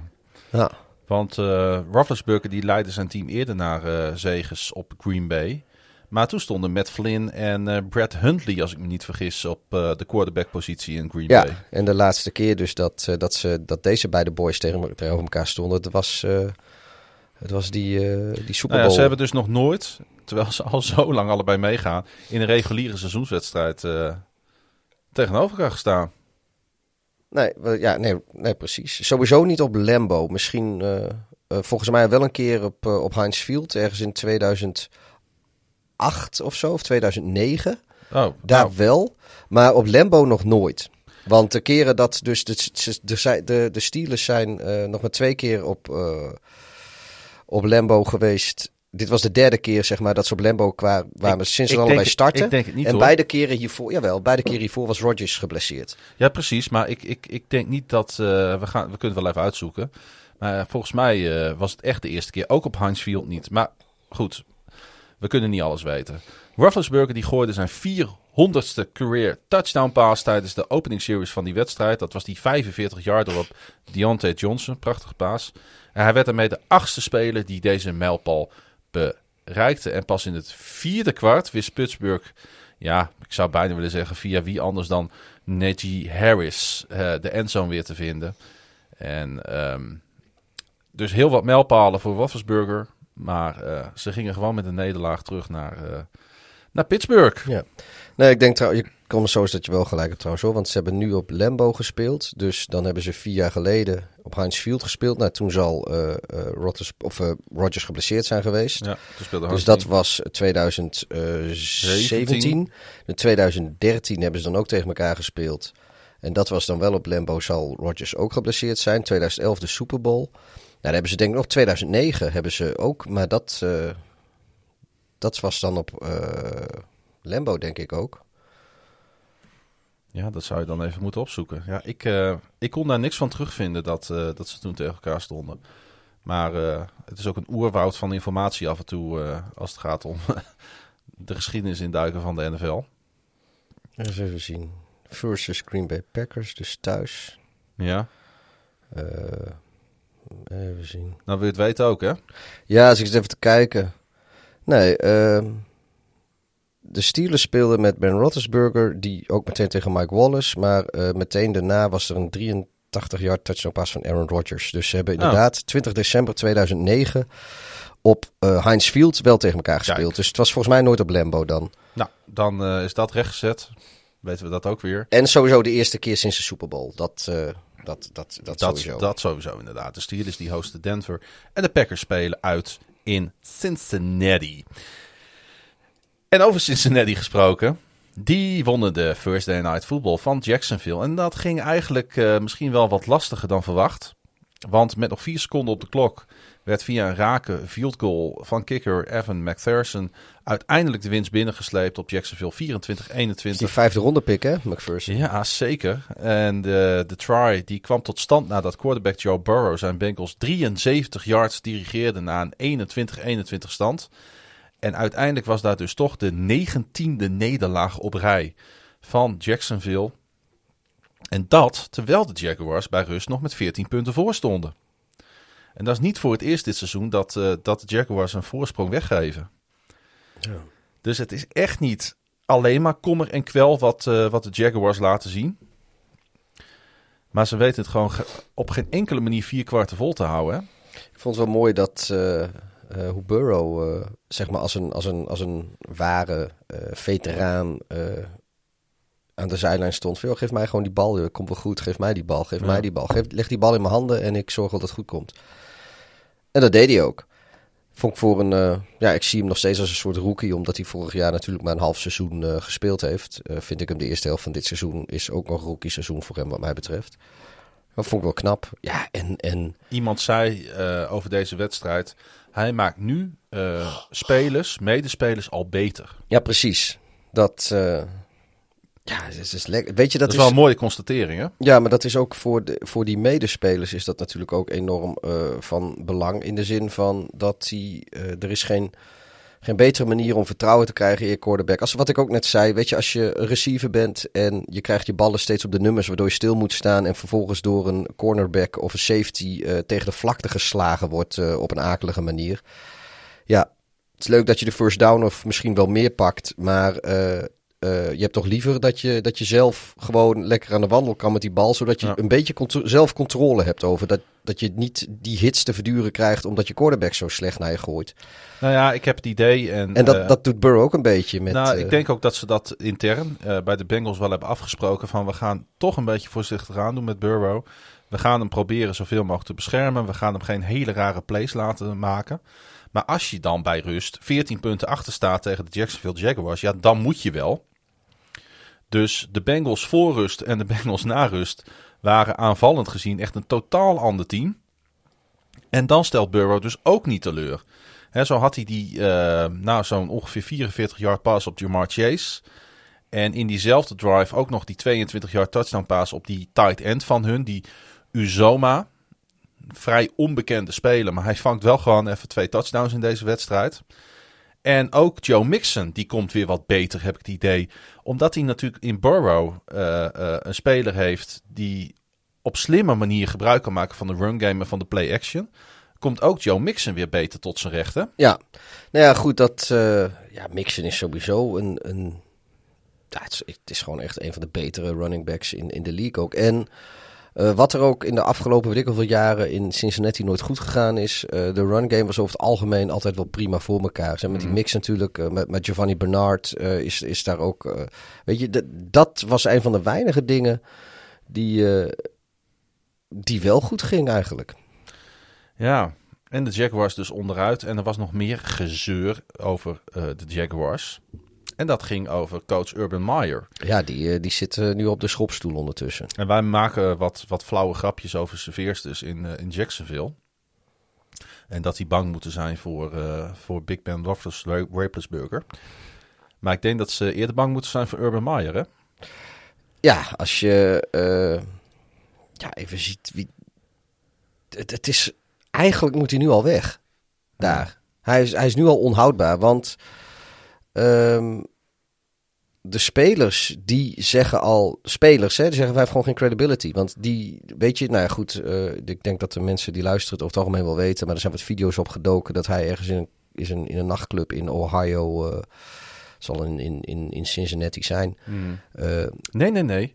Het was uh, Columbus. Columbus. Oké, okay, was Columbus. Oké, okay, maar goed, uh, ja, nou, hij, was in ieder geval. Uh, nou ja, ik, ik, ik, het was in Ohio. Ik wilde, ik, ik, ik, en omdat ze tegen ik de wat aan, Ik wilde wel even wat aan toevoegen. Ja. Urban Meyer heeft zijn eigen restaurant daar. Ja.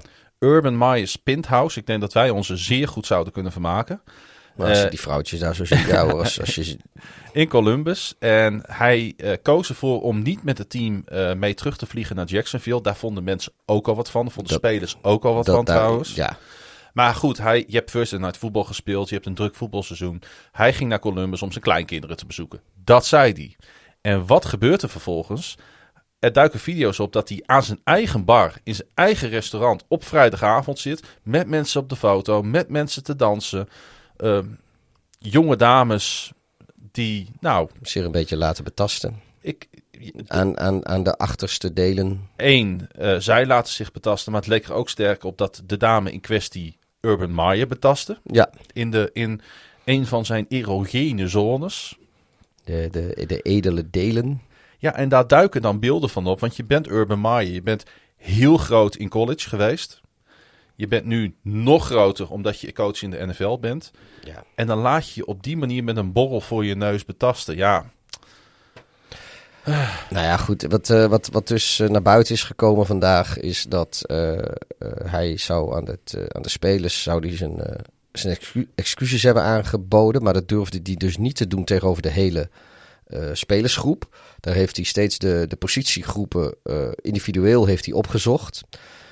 En ehm, dus- daarvan heeft hij gezegd, joh, die vrouw die in die video's eh, eh, waarmee ik aan het dansen ben, dat is gewoon een random vrouw die daar toevallig was. En, eh, en, en ja, weet je, het stelde verder allemaal niet zoveel voor. Ehm, nou, de spelers die waren daar nogal sceptisch over en terecht.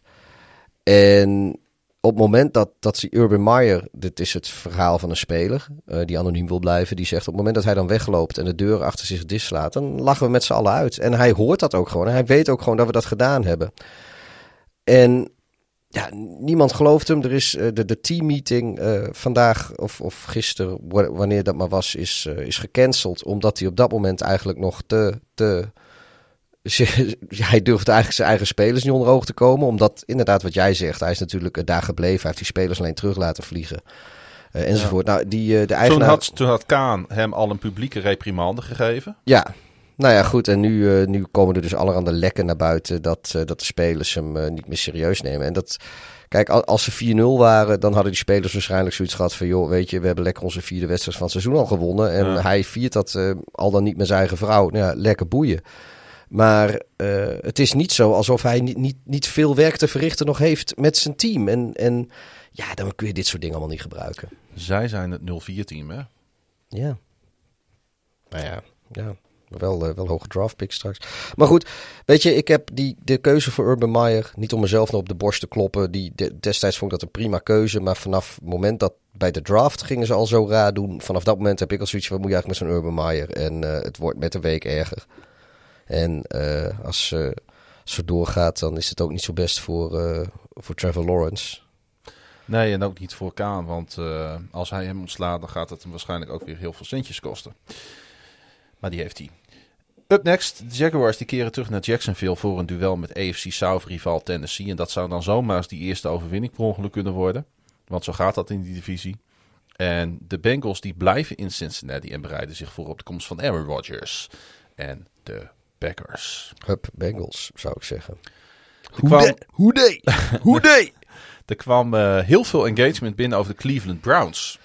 Ja, is ook wel eens anders geweest. Ja, dat is toch een team wat aardig in de spotlight staat. En, eh, en terecht aan de ene kant. Aan de andere kant eh, gaat het heel veel over Baker Mayfield.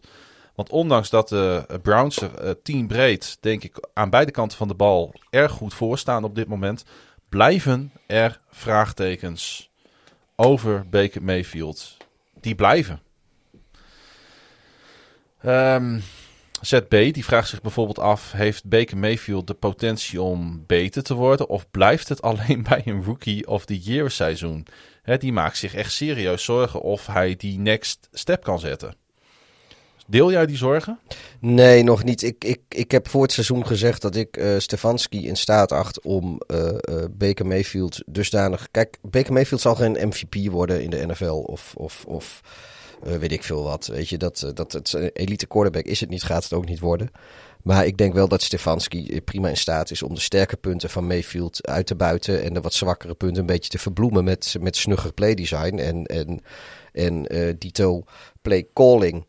Alleen, eh, ja, tegen de Vikings nu kwam het er niet echt uit. En dat is ook wel logisch, want het is natuurlijk ook het oude, oude team. Ze weten daar ook precies hoe, uh, hoe Stefanski denkt. Dus ja, weet je, ergens. Uh, ja, en, en die, die, die verdediging van de, van de Vikings, die is eigenlijk ook wel precies weer. Kan die overweg met, met, met, met hoe Baker Mayfield speelt. Weet je, die matchup is gewoon niet voordelig voor. Voor Mayfield. Maar, dus ik denk niet, deze wedstrijd is denk ik niet de graadmeter. Hij zei zelf ook zoiets na de wedstrijd als van, ik weet niet wat me overkwam. Hij vond het zelf namelijk ook bagger. Nou, dat geloof ik, uh, geloof ik best. De um, Ivo, die zegt de Vikings hadden de eerste drie weken een gemiddelde van bijna 300 yards passing. En 130 rushing yards. Tegen de Browns maar 190 om 65. Kunnen we de defense van de Browns nu voorzichtig met het besef dat ze drie starters missen naar een top 3 A5 defense schrijven? Of is het daar nog te vroeg voor? Nou, die, die defense van de Browns is, uh, is denk ik wel een, een top 5 unit op een goede dag. Ja, ik heb daar ook inderdaad weinig, uh, weinig op in te brengen. Kijk, uh, het, ze zijn niet structureel de beste. Hmm. Maar ja, op een goede dag kunnen ze, kunnen ze een van de betere zijn. En, en, Ze en zijn over, met- over een heel seizoen zijn ze gewoon, denk ik inderdaad, ja, kunnen ze zo'n top 5 unit Ze zijn. met Miles Garrett zijn ze zo ongelooflijk dominant. Ja, nee, ik heb ze vorige week natuurlijk een hele wedstrijd gezien. Ik heb er nu ook eh, wel met, eh, met een beetje extra belangstelling naar zitten te kijken. Ten eerste omdat ik eh, natuurlijk wilde zien in hoeverre vorige week een outlier was voor zowel Chicago als voor de Browns. Maar ook omdat ik benieuwd ben hoe divisiegenoten tegen het team doen waar wij een week eerder nog tegen speelden. Want ik zie de Vikings toch nog steeds wel een beetje als concurrent eh, voor de Bears. Ehm, Nou, dat is terecht, want eh, ze staan slechts op 1-3. ja, En ze blijven dat wisselvallige team wat ik ze al eh, Ja. weken noem. Maar goed, ja, en, en ja, weet je, die, de, de, de, de, de, de, Vikings hadden misschien ook niet hun beste dag, maar dat kwam denk ik zeker ook wel door de D van de Browns. Ja, en daarom is er ook eh, niet zo heel veel eh, over deze wedstrijd te zeggen. Want het was een beetje een saaie aangelegenheid. Het was geen, eh, geen red zone wedstrijd dit in ieder geval. Nee. Maar het was wel een wedstrijd, wat heb ik er dan uitgehaald? Die, die wederom aantoonde waarom een betrouwbare kikker nou zo belangrijk is. Want Chase McLaughlin, McLaughlin, McLaughlin, McLaughlin? Ja. Excuses. Het, eh, het blijft lastig. Maakte twee belangrijke field goals. Een 53 yarder met nog 6 minuten te gaan. En een 48 yarder met nog 2 seconden te gaan in de eerste helft. En dat zijn achteraf toch de bepalende punten geweest. Waardoor eh, Cleveland eh, die belangrijke, want dit is zeker geen makkelijke uitwedstrijd. nee. Die belangrijke punten meeneemt naar huis. Ja. Hebben we dan nog iets niet over deze wedstrijd gezegd? er is mij weinig bijgebleven van deze pot namelijk. ja, Justin Jefferson is een beest. In de Ja, goede zin van het woord, weet je, dat Ja. eh, vind ik. En eh Kirk Cousins, ja, ben ik nog steeds niet van. Ik geloof wel dat hij, het was, was misschien wel voorafgaand aan deze wedstrijd, na de wedstrijd misschien wat minder, maar volgens mij was Cousins eh, in cijfers misschien wel de, de, de cijfermatig, misschien wel de beste quarterback in de NFL. Eh, ik vind in ieder geval voorafgaand aan week 4. hij heeft wel zijn eerste interceptie gegooid in deze wedstrijd. Ja, dus ik, maar eh, eh, dat toont ook wel weer aan, of één, dat is ook wel weer één van de redenen waarom ik die cijfers en quarterback ratings en dat soort dingen niet per se heel interessant vind. Want ja, het, het, het, het zegt wel wat, maar het zegt zeker niet alles. En het kan, als je alleen naar de cijfers kijkt, ook een heel erg vertekend beeld geven. En dat eh, gaat ook wel blijken uit eh, de volgende wedstrijd. Nou, want de Browns die reizen namelijk eh, af naar LA voor een ontmoeting met Chargers. En de Vikings krijgen de Lions op bezoek. Dus gaan, we, gaan we het weer bekijken. Ja, En Nick Kasman die wil het hebben over de Leidensweg van de Lions. Want ik vroeg op Twitter waar moeten we het over hebben. En toen zei hij de Leidensweg van de Lions. ja. En dat begint het wel een beetje te worden als je samen met de Jaguars onderaan bungelt in de stand, eh, in, in de stand over 32 teams. Hè? Ja, het is, eh, het is nog niet eens het beroerdste seizoen hoor, van de Lions. Nee. Want eh, ze zijn over het algemeen Dat, daar is eh, nog iedereen het ook wel over eens. redelijk competitief. Ja. doen ze nog wel mee. In ieder geval zo lijkt het. Ze zijn een soort van omgekeerde Chiefs van vorig seizoen. Steeds als het lijkt alsof ze kunnen winnen, dan gaan ze verliezen. En eh, bij de Chiefs was het zo steeds als ze denkt dat ze gaan verliezen, dan eh, winnen ze alsnog even. Dus ja, dat, eh, maar ja, Maar ze kwamen toch wel weer vrij matig uit de kleedkamer, zoals dat dan heet. Ehm, Nou, nee, ze kwamen juist... oh, ju- juist Nee, de- aan de, de start. Lions, ze verschenen matig aan de start, ja. Want Ja. na de rust kwamen ze goed uit de kleedkamer. Ja. Precies, en dat, is, en dat hebben we dit seizoen ook wel weer vaker gezien. Hè, er begint nu al een beetje af te tekenen hoe teams zich een beetje zeg maar, door het seizoen gaan bewegen. Maar eh Fields en de Bears, ja, die waren toch wel in, eh, in veel betere doen en veel betere vorm dan vorige week. Hè, na die dramatische wedstrijd in, eh, in Cleveland, die denk ik iedere Bears-fan toch wel graag wil vergeten. ja.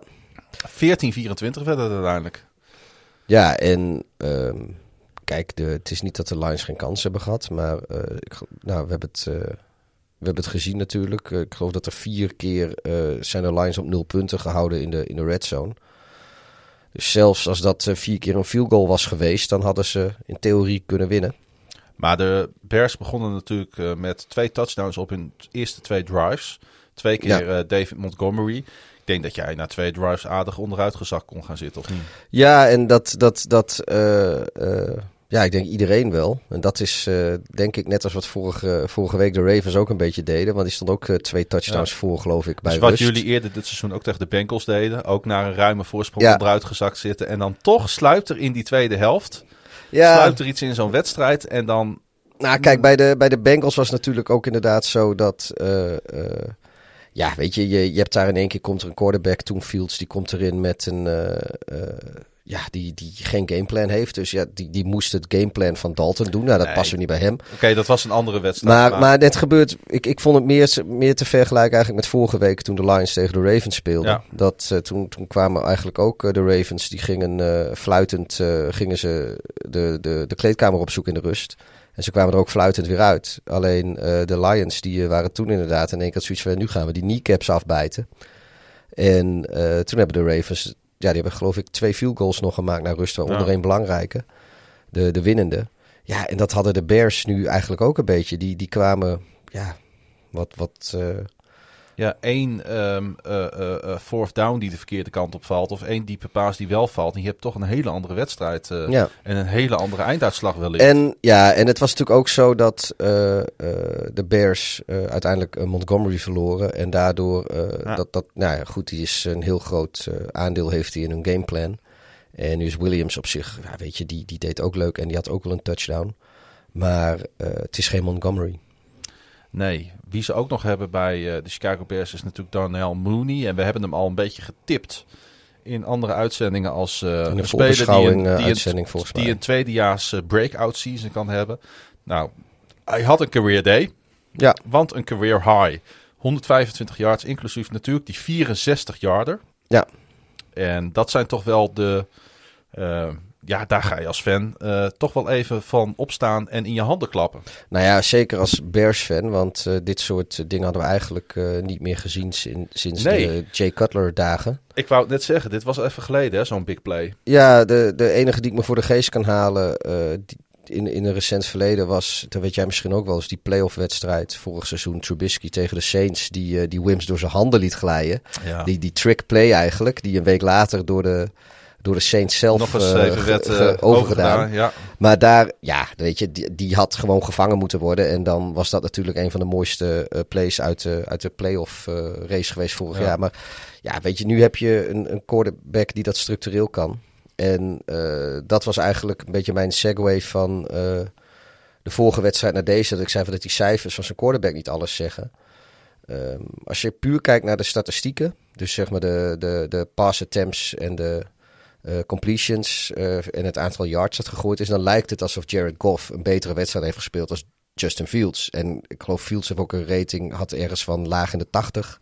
En Goff heeft er eentje van 105 of zo, dus er zit iets van 25 punten zat ertussen. Ja. Maar als je die wedstrijd ziet, of hebt gezien, ja, er is niemand die bij zijn volle verstand die zegt dat Goff een betere wedstrijd heeft gespeeld eh, dan Fields. Fields die heeft continu diepe ballen gegooid om de Bears weer in scoringspositie te brengen. Alleen als ze dan op de paar, paar yard van Enzo afstonden, werd het, werd, waren het rushing touchdowns. Ja. En, eh, Maar eh, eh, NFL, eh merken voetbal moet ik zeggen, is natuurlijk ook een momentensport. mhm. En als dan de Detroit Lions op de deur kloppen bij de Bears... en Robert Quinn komt met zijn strip sack... dan komt hij ook wel echt op het goede moment, hè? Ja, nee, dat, dat ja, die, die, die defense, eh, die, dat, volgens mij heb ik dat ook op Twitter gezet tijdens de wedstrijd. Dat is ook, als je een offense hebt die op het veld blijft, dan is die defense is ook gewoon tot in het vierde kwart gewoon relevant. En dat zie je dan ook, dat, dat ook in, in, in ver, ver in de wedstrijd blijven die Lions moeilijk hebben om, ja, inderdaad, nou, we zeiden het voor de, voordat we aan de wedstrijd begonnen leven, 15 sacks in totaal voor, eh, voor de Bears defense eh, dit seizoen. Op dit moment staan ze daar eh, alleen bovenaan in de NFL. Quinn, die vorig seizoen nog als een absolute miskoop werd betiteld. Maar ja, die, hij had dropfoot of zo, was een blessure. Dus hij speelde een heel seizoen geblesseerd. Mhm. Dat zou, is hij aan geopereerd. Hij is nu weer fit. Nou, ik geloof, geloof ik 4,5 sack. Eh, heel stilletjes heeft eh Khalil Mack er ondertussen ook weer vier op zijn naam staan. Dus die is gewoon aan een goed seizoen bezig. Ja, weet je, dat, eh, die secondary, daar ben ik nog een beetje, een beetje van, eh, om, aan het, maak ik nog een beetje zorgen over. Maar de, de stunts die eh, de Sai eh, voor zijn front seven, zeg maar, bedenkt, dat is echt eh, ouderwets goed. Wat vond je ervan dat de offensive plays werden gecalled door offensive coordinator Bill Lazor? Eh, ook dat vond ik prima. Dat heeft, is vorig seizoen ook een poosje ge- zo gegaan. En dat Ja. ging meteen beter. Want ja, ik, ik heb het ook, dat heb ik ook al vaker gezegd. Met Nagy is eh, een prima coach. En hij is ook een prima play designer. Want de plays die de Bears doen, die zijn gedesigned door Matt Nagy. Alleen Nagy heeft er eh, moeite mee om eh eh playcalling in een wedstrijd te doen op een manier die, die past bij de, de, bij de wedstrijd op dat moment. In het ritme van de wedstrijd op dat moment. In de, eh, eh, bij de spelersgroep die je op dat moment hebt. Op de een of andere manier lukt hem dat niet. En dat is ook niet erg, want er zijn wel meer hoofdcoaches die de playcalling niet doen. Maar ik hoop ook dat. eh, dit is de tweede keer dat Nagy zichzelf ontslagen heeft als playcaller. En ik hoop ook dat deze keer permanent is. Laat lekker die Bill lezen dat maar doen. De Lions die, die blijven zonder overwinning onder de nieuwe headcoach Dan Campbell en general manager Brad Holmes. Hij, Ja, hij heet wel Holmes. en verloren hun achtste wedstrijd op rij sinds ze vorig seizoen de Bears versloegen op Soldier Field. Dus, dus de laatste overwinning van de Ja. Lions was op Soldier Field. Dat was die, eh, dat was die wedstrijd dat de Bears eh tien punten voorsprong stonden in de two-minute warning. En dat eh, Trubisky met de kont tegen de eigen en zo die bal Ja. Weet je dat nog? ja, ja. Dat was ook een wedstrijd die, die ja, ja goed, het hadden ze eigenlijk nooit moeten winnen. Maar een beetje pijnlijk. Hè? En eh, ik zag dat de Bears ook nog wat op eh, transfergebied eh, deden. ja, de, de, de, de, de markt is nog open deze maand. De Bears hebben wide receiver Jake- Jakeem Grant aangetrokken van de Dolphins. Ik geloof, wat ik begreep is dat ze dat in 2023 pas een eh, zesde ronde draftpick gaat kosten. Ja, en ehm, ik weet niet of ik iets raars zeg nu. Jij volgt het team natuurlijk. Maar de Bears en de Dolphins die hebben natuurlijk samen eh, in pre-season een trainingskamp gehad. Ja, die Zou het kunnen dat dat daar nog vandaan komt? Of? Ja, die, die hebben vorig, of in de in pre-season tegen elkaar geoefend. En de week voorafgaand aan die wedstrijd hebben ze samen in Chicago een week lang eh, getraind. Ja. En eh, ja, er zijn denk ik buiten de Dolphins-fans en eh, eh, de absoluut meest fanatieke NFL-fans van andere teams. Weinig mensen die Grant kennen. Ik wist het eigenlijk ook niet. Maar hij gaat in Chicago de kick, kick returns moeten doen. Daar zitten ze al heel lang op de azen op een goede kick returner in Chicago. Zeker nu Khalil Herbert waarschijnlijk running back duties moet gaan doen de komende weken. Omdat Montgomery geblesseerd is. Ehm, en die, eh, die Grant die was al opgevallen tijdens het trainingskamp. En toen ho- hoopten ze eigenlijk dat hij gekut zou worden door de Dolphins. Maar dat is dus niet gebeurd. En eh, ja, nu eh, Montgomery geblesseerd is en de Dolphins er wel van hem af wilden, hebben ze het maar snel gedaan. Maar hij was vorig jaar wel second team All-Pro, die, die Jakeem Grant, als special teamer en, en returner. Dus het is geen koekenbakker. Zoals Angelo van Damme al opmerkte op Twitter. Hij zal in Chicago wel de nieuwe Hester worden. ja, dat is ook net het geluk van de Dolphins Je waarschijnlijk. zult het zien. Hè? De Lions, de goede verstaande, had het al ergens opgevangen in deze podcast. Bezoeken divisiegenoot Vikings. En de Bears die gaan op de gok naar Las Vegas. Viva Las Vegas. Ehm, dan de Arizona Cardinals at de LA Rams. We gaan even overstappen naar de, eh, naar de andere kant van het land, naar de West Divisie. Maar we blijven NFC. wel in de NFC. Absoluut. En ehm, Pieter, eh, we kunnen niet meer om de Cardinals heen. En volgens mij willen we ook niet meer om de Cardinals heen. Nee, ik, uh, ik, ik, het, ja, die beentjes van Murray. Ik weet je, het is ook gewoon echt leuk te zien. Die defense is gewoon leuk. Ik gun het uh, uh, JJ Watt ook gewoon. Er is volgens mij ik zelfs een NFC West, maar er is toch geen, geen, geen fan en geen ander team wat per se een hekel aan de Arizona Cardinals heeft. Nee, nee, ik, ik, ik nee. Het, het is alleen. Ja, nee, als als de Cardinals hatig zijn, dan, dan wil ik ze oproepen om zich even bij ons te melden. Want dan wil ik heel graag weten waarom dat zo is. Ja, ik denk dat er onder het contingent Seahawks-fans misschien ondertussen wel een paar mensen de Cardinals zijn gaan haten. Maar dat is meer, denk ik, angst dan haat. Want het is het enige 4-0-team uh, op dit moment in de NFL. Ze zijn dus als enige echt ongeslagen uh, na vier wedstrijden. Dat zegt ook wel wat over dit seizoen Ze in hebben de ook niet per se een makkelijk programma gehad. Nee, en als je wint in LA van de Rams, uh, dan kan ik me voorstellen dat als je uh, dit team uh, sympathiek vindt, zoals Sampi58 op Twitter, dat je roept dat Kyler Murray op dit moment voor hem de MVP is. Nou ja, dat, Over vier weken, hè? Nou, dat, dat vind, ik, vind ik op zich wel terecht. Ik, ja, we hebben het voor de wedstrijd, of voor de wedstrijd, voordat we over de wedstrijden begonnen al even gezegd. ja, Justin Herbert uh, kwalificeert natuurlijk ook gewoon voor die titel van, uh, van ja. MVP op dit moment. Maar ja, uh, weet je, als jij Kyler Murray, ja ook.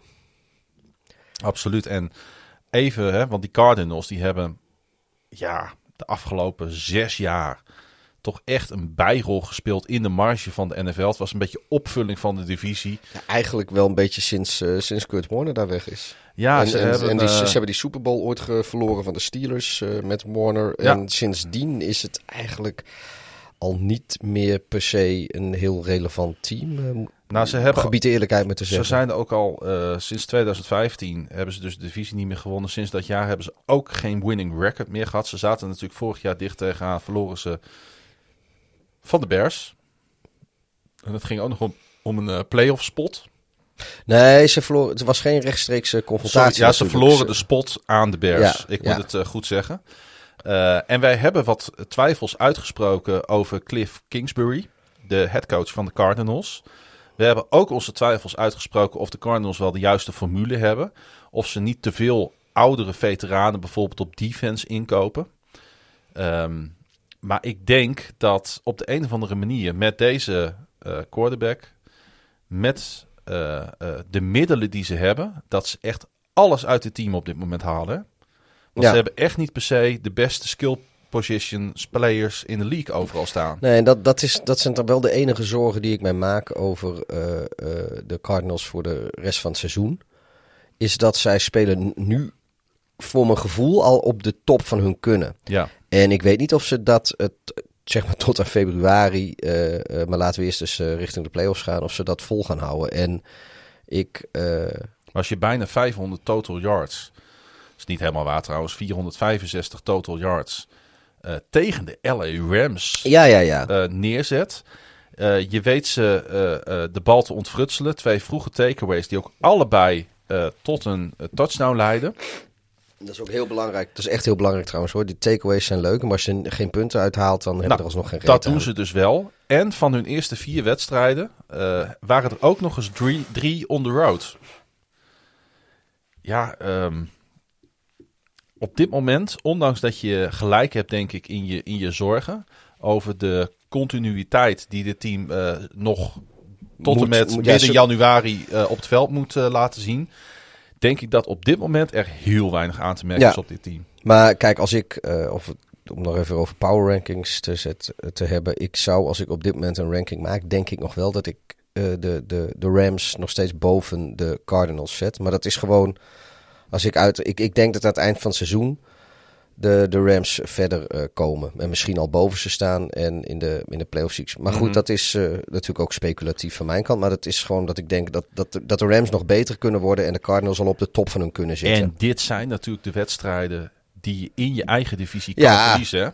uitstek. ja, maar dit is natuurlijk wel een wedstrijd eh, die de Rams als gedoodverfde titelkandidaat in die NFC West, die loodzware NFC West, ehm, ja, tegen op dit moment hun grootste concurrent, ja, deze voel je dubbel. Maar Zeker. eh, ja, nogmaals, ik, voor mijn gevoel denk ik nog steeds de Rams kunnen. eh, er zit meer groei, denk ik, in dan de Cardinals, die al redelijk op de top van hun kunnen zitten. Weet je, En- wat ik, eh, weet je, over top van hun kunnen gesproken. Wat ik tof vond in deze wedstrijd is wat dat de Cardinals precies deden. Waar de Rams de afgelopen weken zo goed in waren. Namelijk tegenstander op de 1 yard line stoppen. ja, ja. ja. Dat deden de Cardinals bij de Rams. Dan denk ik, ja, dan weten die dan ook een keer hoe dat voelt. ja, kut hè. Ja, maar dat is toch, eh, dat is toch goed. Alles klopte gewoon voor de Cardinals deze wedstrijd. Na die eh, game opening punt eh, scoorden ze op zeven van hun acht possessions. Ja, dan ben je gewoon de hele wedstrijd door, ben je gewoon de betere. Ja. Ik ben er trouwens wel bang voor. Hoe meer teams, want nou ja, goed, de, de Bears hebben het ook gedaan. de, de, de Cardinals hebben het gedaan. De Rams doen het met regelmaat. Al die stops op, zeg maar, binnen de 5-yard line van de red zone.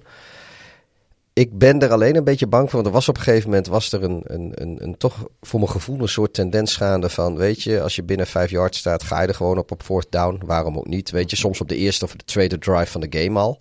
En ik vind dat wel mooi. Maar ik ben er nu ook wel weer een beetje bang voor dat... eh, eh, ja, dat, dat, dat als er hoe meer defenses er komen die daar gewoon structureel teams in weten te stoppen. Dat, eh, dat, dat die trend misschien wel een beetje zich weer gaat keren. En dat we toch weer Ja. die eh, saaie field goals gaan zien. Maar goed, dat, eh, Ja, het zou kunnen. ook, ook dit is weer speculeren. Maar ja, Mhm. ik, ik doe ook niet anders in zo'n podcast. Het is in ieder geval mooi om te zien dat die teams ervoor willen gaan en er alles uit willen halen. Ja. Stafford die ging 26 uit 41 voor 280 yards, twee touchdowns in zijn eerste inefficiënte wedstrijd voor de Rams. Want zo zou ik deze wedstrijd toch Ja. wel willen bestempelen. En de Rams die voor het eerst sinds 2018 niet 4-0 starten. Geeft wel wat aan Zo zie je maar weer dat Goff toch een veel betere quarterback is dan Stafford. Ja. Maar met Goff starten ze dus steeds 4-0. Ik denk dat ze gewoon eh, moeten traden. Ja, misschien wil de Lions, eh, misschien wil de Lions wel. eh, Precies. Ehm, de Cardinals die hosten de San Francisco 49ers en de Rams die hebben weinig hersteltijd met een Thursday Night voetbal bij de Seattle Seahawks. En dat zijn precies de twee teams die ook tegen elkaar speelden afgelopen weekend. De Seahawks gingen op bezoek bij de San Francisco 49ers. Ze hebben gewoon twee weken achter elkaar eh, speelt die hele divisie tegen elkaar. Precies, ja. Eh 28-21 werd het in het voordeel van Seattle. En ehm, ja, eh, winst voor Seattle. En dat was denk ik toch vooral te danken aan, daar is hij weer eens, Russell Wilson. Ja, Die een paar mindere wedstrijden van zich af wist te schudden in eh, Santa Clara, California. ja en het, weet je, de winst is misschien toch ook een beetje ehm, voor, de, voor de 49er fans, toch wel. Want eh, ja, eh, die, de, de Garoppolo die moest het veld af met een, met een kuitblessure. En daardoor zag je dus Trey Lance. Mm. En ja, ik denk gewoon ook dat... Garoppolo hebben we wel gezien. En eh, eh, dat, dat is het toch niet helemaal hoor. En weet je, ik, ik wil nu Trey Lance volgende week wel eens zien. Met Ja. een hele week gameplanning voor de boeg. Ik denk niet dat gaat gebeuren. En, en gooi hem er maar in. Want met, met Garoppolo ga- gaat het... Het gaat niet werken. Ja, maar als Garoppolo fit is, dan denk ik niet dat zij hem op de bank gaan zetten. Nee, nou ja, goed. De vraag is natuurlijk of die fit is. Want eh, Maar ze zouden natuurlijk best wel wat inderdaad met die packages kunnen gaan doen eh, bij de 49ers. En wat meer eh Trey Lance ehm, af en toe eens een, eh, ja, om mij op een drive laten spelen. ja, Ja, Maar ja, weet je- Doe wat. ik, ik, ik zou wel gewoon zeggen van... Ik, ik, ik ga gewoon deze hele wedstrijd voorbereiden met, met Trey Lance. Hmm. als bij de, bij de number ones. Want Garoppolo is natuurlijk gewoon een, een wandelende blessure. Dus ook al denk, denken we dat hij fit gaat zijn komende week, is, bestaat de kans alsnog dat, eh, dat, het, dat het game time het toch niet helemaal is. Of dat hij meteen weer wat verrekt. En Ja. Garoppolo is de ervaren man, hè? Die moet, eh, die moet er ook koud in kunnen als hij een weekje heeft voorbereid met de twees. Of maar een paar snaps met de eens heeft gehad. En eh, eh, de kans is zeker wel 50% denk ik dat Trey Lance eh, eh, eh, een groot deel van de snaps moet gaan doen volgende week.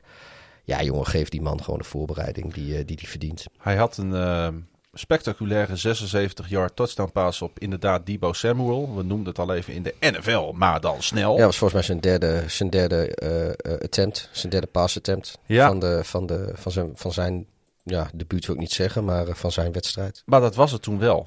Want daarna hebben de 49ers op aanval bijna niet meer gezien. Ja, totdat het er niet meer zoveel toe deed. Toen wist hij met 1.20 te gaan nog een keer Samuel te vinden. Ja, en toen kwam er een onside kick en uh, die recoverde Seattle. En toen was die wedstrijd voorbij. Enzovoort, enzovoort, enzovoort. Um, is die Shanahan nog wel de Shanahan waarvan wij altijd dachten dat hij was? Of uh, moet hij zichzelf ook even opnieuw uitvinden om in, weer een beetje interessant te worden? Zeker in die NFC West. Ach, ik weet het niet. Uh, de Seahawks staan op 2-2. De 49ers staan ook op 2-2.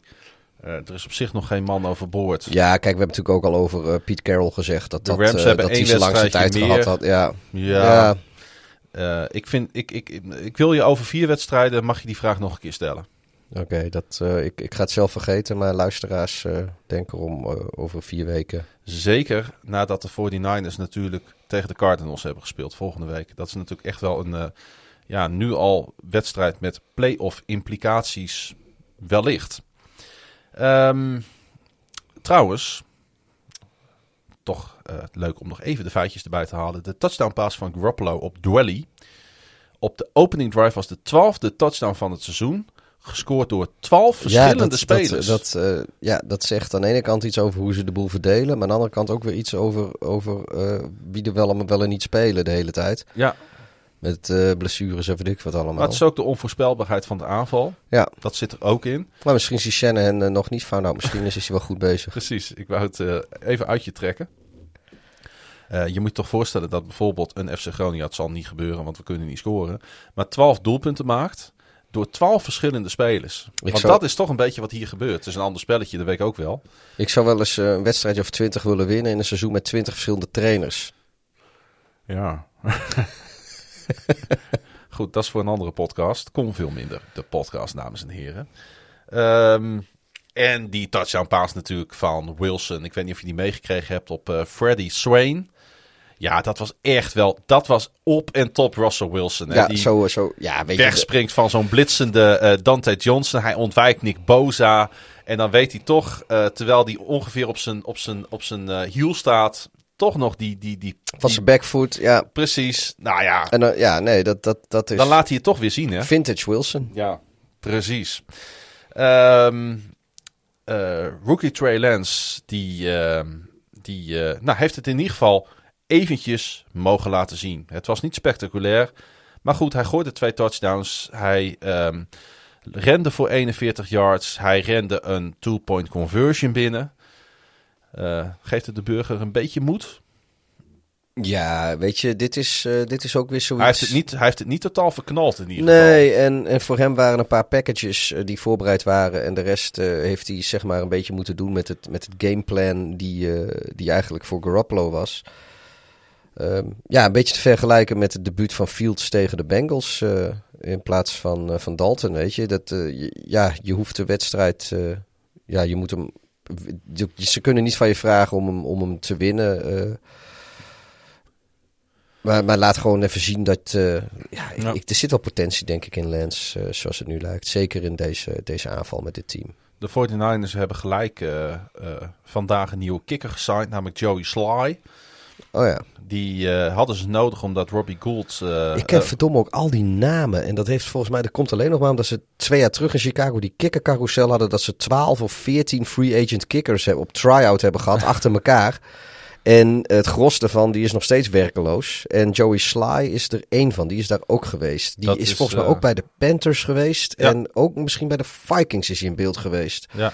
En hij heeft dit seizoen heeft hij al gekikt voor de Houston Texans. Ja, gewoon zo uit mijn hoofd roep ik wat teams, maar dat komt, ja, die, die, dat komt daar nog vandaan. Nou ja, Gold gaat drie tot vijf weken missen en ze kunnen niet met hun uh, backup kicker, wat de Panther is, uh, de komende vijf wedstrijden natuurlijk gaan spelen. Dus, nee, dat, dat, dat, deze wedstrijd hadden ze er eigenlijk al niet mee moeten nee. spelen, want het heeft ze wat punten gekost. Juist, dus, uh, Dure punten ook trouwens. Nou, ze hebben hun, hun kicker hebben ze binnen voor de komende weken.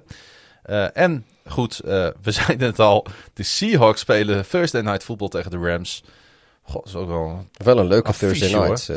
En de uh, 49ers reizen af naar de Vierde Cardinals. De blessures van Garoppolo en ook die van left tackle Trent Williams, die zoveel geld verdient, zijn niet langdurig zoals het nu lijkt. En ze zouden allebei weer kunnen spelen. Um, veel lof van ons de afgelopen weken voor de Carolina Panthers. Maar die zakte toch met één voet uh, door, het, uh, door het ijs hè, dit weekend. Ja, die, uh, die kregen gewoon even gevoeglijk billenkoek van de Dallas Cowboys. We kregen wat eh, berichtjes ook over de Cowboys binnen. Er zijn best wel een aantal Cowboys-fans eh, in onze community. Waaronder Brit Mulders, die op eh, Instagram eh, hoog opgaf over de Cowboys. En met name Trevon Dix. Eh, ook Bob Dollekens, die... Met een, eh, een, twee mondje, een smiley met twee mondjes. Dus dat is echt een hele grote lach. Of dat is een smiley met een onderkin. Dat kan ook. ja, daar, daar ken ik Brit niet goed genoeg voor. Ja, ik, ja, oké. Eh, Bob die gaf ook een shout-out naar Trevon Dix op ons social media kanaal. Jaap van Nierhuis, ik weet dat hij, dat hij Cowboys fan is. Die vraagt zich dan ook af, zijn de Cowboys een gevaarlijke outsider voor de NFC-titel? Ik denk dat we, de, zeker ik, dat in het begin van de podcast al eigenlijk al een beetje beantwoord heb. Ik, eh, toen ik zei dat ik de teams als de Cardinals en de Cowboys, maar ook nog steeds de Rams en de Buccaneers boven de Packers inschat schat in de NFC. En ja, op dit moment zijn de Cowboys eh, eh, een van de betere teams in de NFC. Dus ik zou ze niet eens een gevaarlijke outsider willen noemen. Ik zou ze gewoon ronduit een van de kanshebbers willen noemen. Ja, Steven die zegt op Twitter hetzelfde. Hij zegt, ja, met een nipte nederlaag tegen de Bucks en dat kan gebeuren, maar wel overwinning op de Chargers, waar we natuurlijk ook hoog over opgeven. De Eagles, altijd een lastige wedstrijd voor de Cowboys, die ook wel iets beter zijn dan we misschien hadden Ja. verwacht. En nu dus die Panthers. Ja, dan maak je wel een case voor jezelf, hè? Ja, nou, hij, hij heeft het over de Super Bowl. Nou, dat gaat me nog een beetje ver. Als je de NFC-titel wint, dan sta je in de Super Bowl. Maar eh, eh, ja, weet je, dat je een hele diepe run kan maken in de playoffs. eh ja. ja, nee, kijk, ik noem ze met, met vier al, hè. Met vier andere teams eh, noemde ik ze steeds. Ja, Ja. en daar komt nog eens bij. eh, we moeten niet vergeten dat de Dallas Cowboys natuurlijk afgelopen weekend aan moesten treden tegen de NFL's number one defense. Want dat waren de Panthers Ja. voor deze wedstrijd. dat klopt. En dan Elliott, die weer eens ouderwets als een eh, mes door zachte boter 143 yards pakte. We Door- moeten vaker spelers een beetje afschrijven. Ja, nou, ik eh, hoorde in een andere Nederlandstalige NFL-podcast, misschien heb je er wel eens van gehoord. Eh, ze noemen zichzelf Sport Amerika. Die eh, gaven eigenlijk hetzelfde toe als wat wij hier moeten toegeven. Die hadden ook Elliot een klein beetje stiekem al half de deur uitgeschoven. Zo van, nou, ik weet niet of dat nog wat is. En, eh, nou ja, kijk, het was nog steeds een, een hele goede running back. Maar we, weet je, hij werd altijd in het rijtje met Saquon Barkley als een van die eh, eh, een van de echte absolute elite running backs in de NFL. Ja, ik zeg met Barkley en CMC.